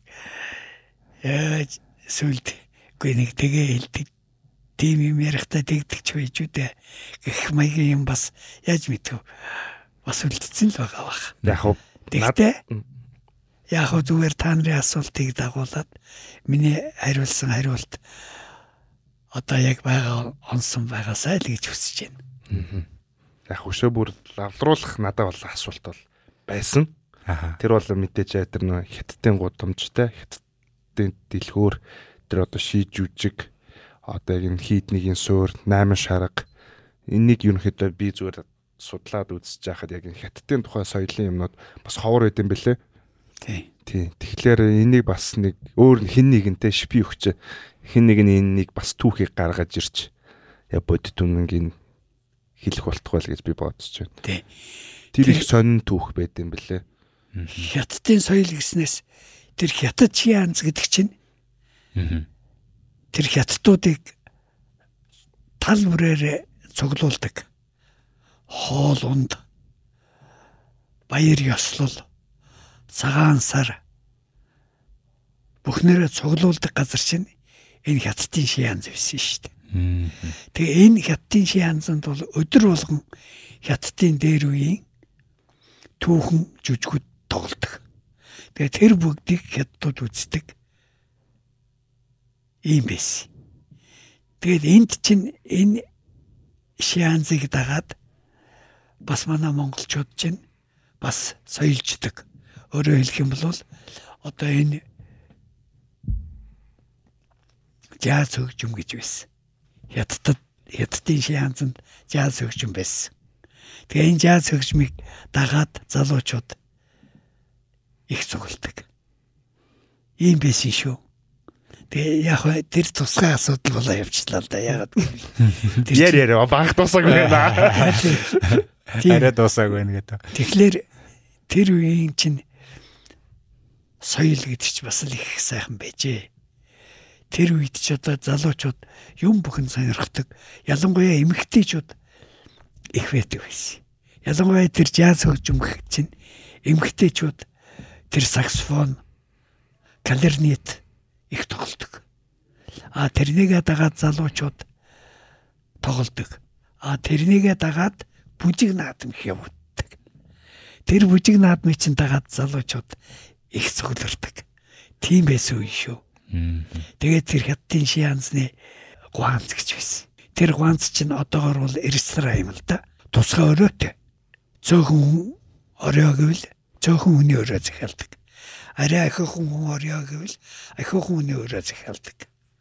Тэгээ хоолоо захиалдаг. Ямар хоол идэх гэдгээ захиалдаг. Тийм байсан. Тэгэхээр энэ ч бас ресторан гэсэн үг шүү дээ. Одоо нэг тийм сайхан байсан. Зөв зөв. Яг хоо тэр э, сая оргийнхын ярьсан үг магадгүй очоор сайн мэдчихэж магадгүй тий. Цаацсан хэр тэр талаар судалтай юм байна. Тий, очвэр бол ер нь тий. Тэр талын судалгаасаа хийдэг. Тэгээд яг би нэг зураг харснаа зүгээр энэ ташрам хаваалцъя. Одоо та бас бас гоё гэрэл зургуудаа авчирсан. Уг нь энийг яриулъя гэж бодож исэн ч гэсэн одоо нөгөө дүрсийг харахгүй болохоор одоо нэг учир дутагдaltaй болох юм байна. Аа би нэг 71 онд нэг Паул Кох гэж унших юм болов Паул Кош гэх юм болов нэг тийм Европын хүн Монголд ирээд бас айгүй бол өнгөц зураг дарсан юм бэл. Аа за. Тэгсэн нөхрийн дарсан нэг зураг дотор яг гандангийн дин ч юм уу тасганы яваанаас болтоо одоо яг энэ 5 дугаар сургуулийг ингээ авцсан зураг байхгүй. Тэнгүүд яг миний харж байгаагаар бол одоо нэг хятадын 9 гудамжны шавар байшингууд бол яг байгаа юм. Цаана 5 дугаар сургууль харагдаж байгаа. А бүр цаашаа гэх юм бол энэ 12 дугаар микрорайон харагдаж байгаа. А тэгэхээр тэр ял яг нөгөө хятадуудыг одоо нөгөө албадан гаргасан байдэн шүү дээ 67 8 онд нэг юм зэдэн бал дараа ингээд нэг үе шаттай үе шаттайгаар тэрний дараа нөгөө нэг дахин төлөвлөлтөнд яг орохынх нь өмнө одоо энэ нөгөө 6 дугаар хороолт буюу одоо энэ Тэнгис кино театрын хавийн 9 давхар махар байшингууд яг баригдахынх нь яг өмнөх үеийн зураг байх юм байна. Цаана бол 5 дугаар сургууль ингээд мэлтэлцээ том харагдаад байгаа тэр хавийн орон сууц мууц.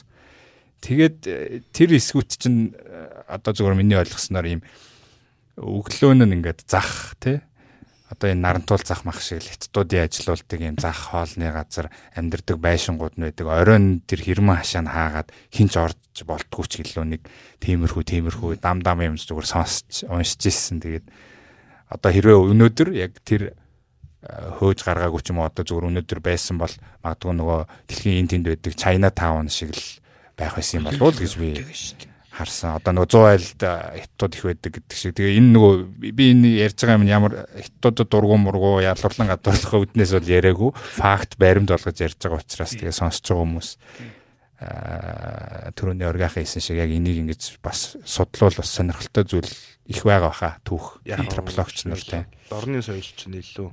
Дорны соёл чи агуу шүү. Агуу тийм болохоор нь би ярьчлаа. Одоо жишээ нь гисэр сүм чинь яг тэр хорооллынх нь мухарт байдаг одоо нөгөө шашин залбирдаг сүмэн байсан байгаа хөөхгүй тий хятадуудын. Тэгээд их сонь. Тэрний эсрэг талд нь хятадын шианц байсан шүү дээ. Маа сонь сонь.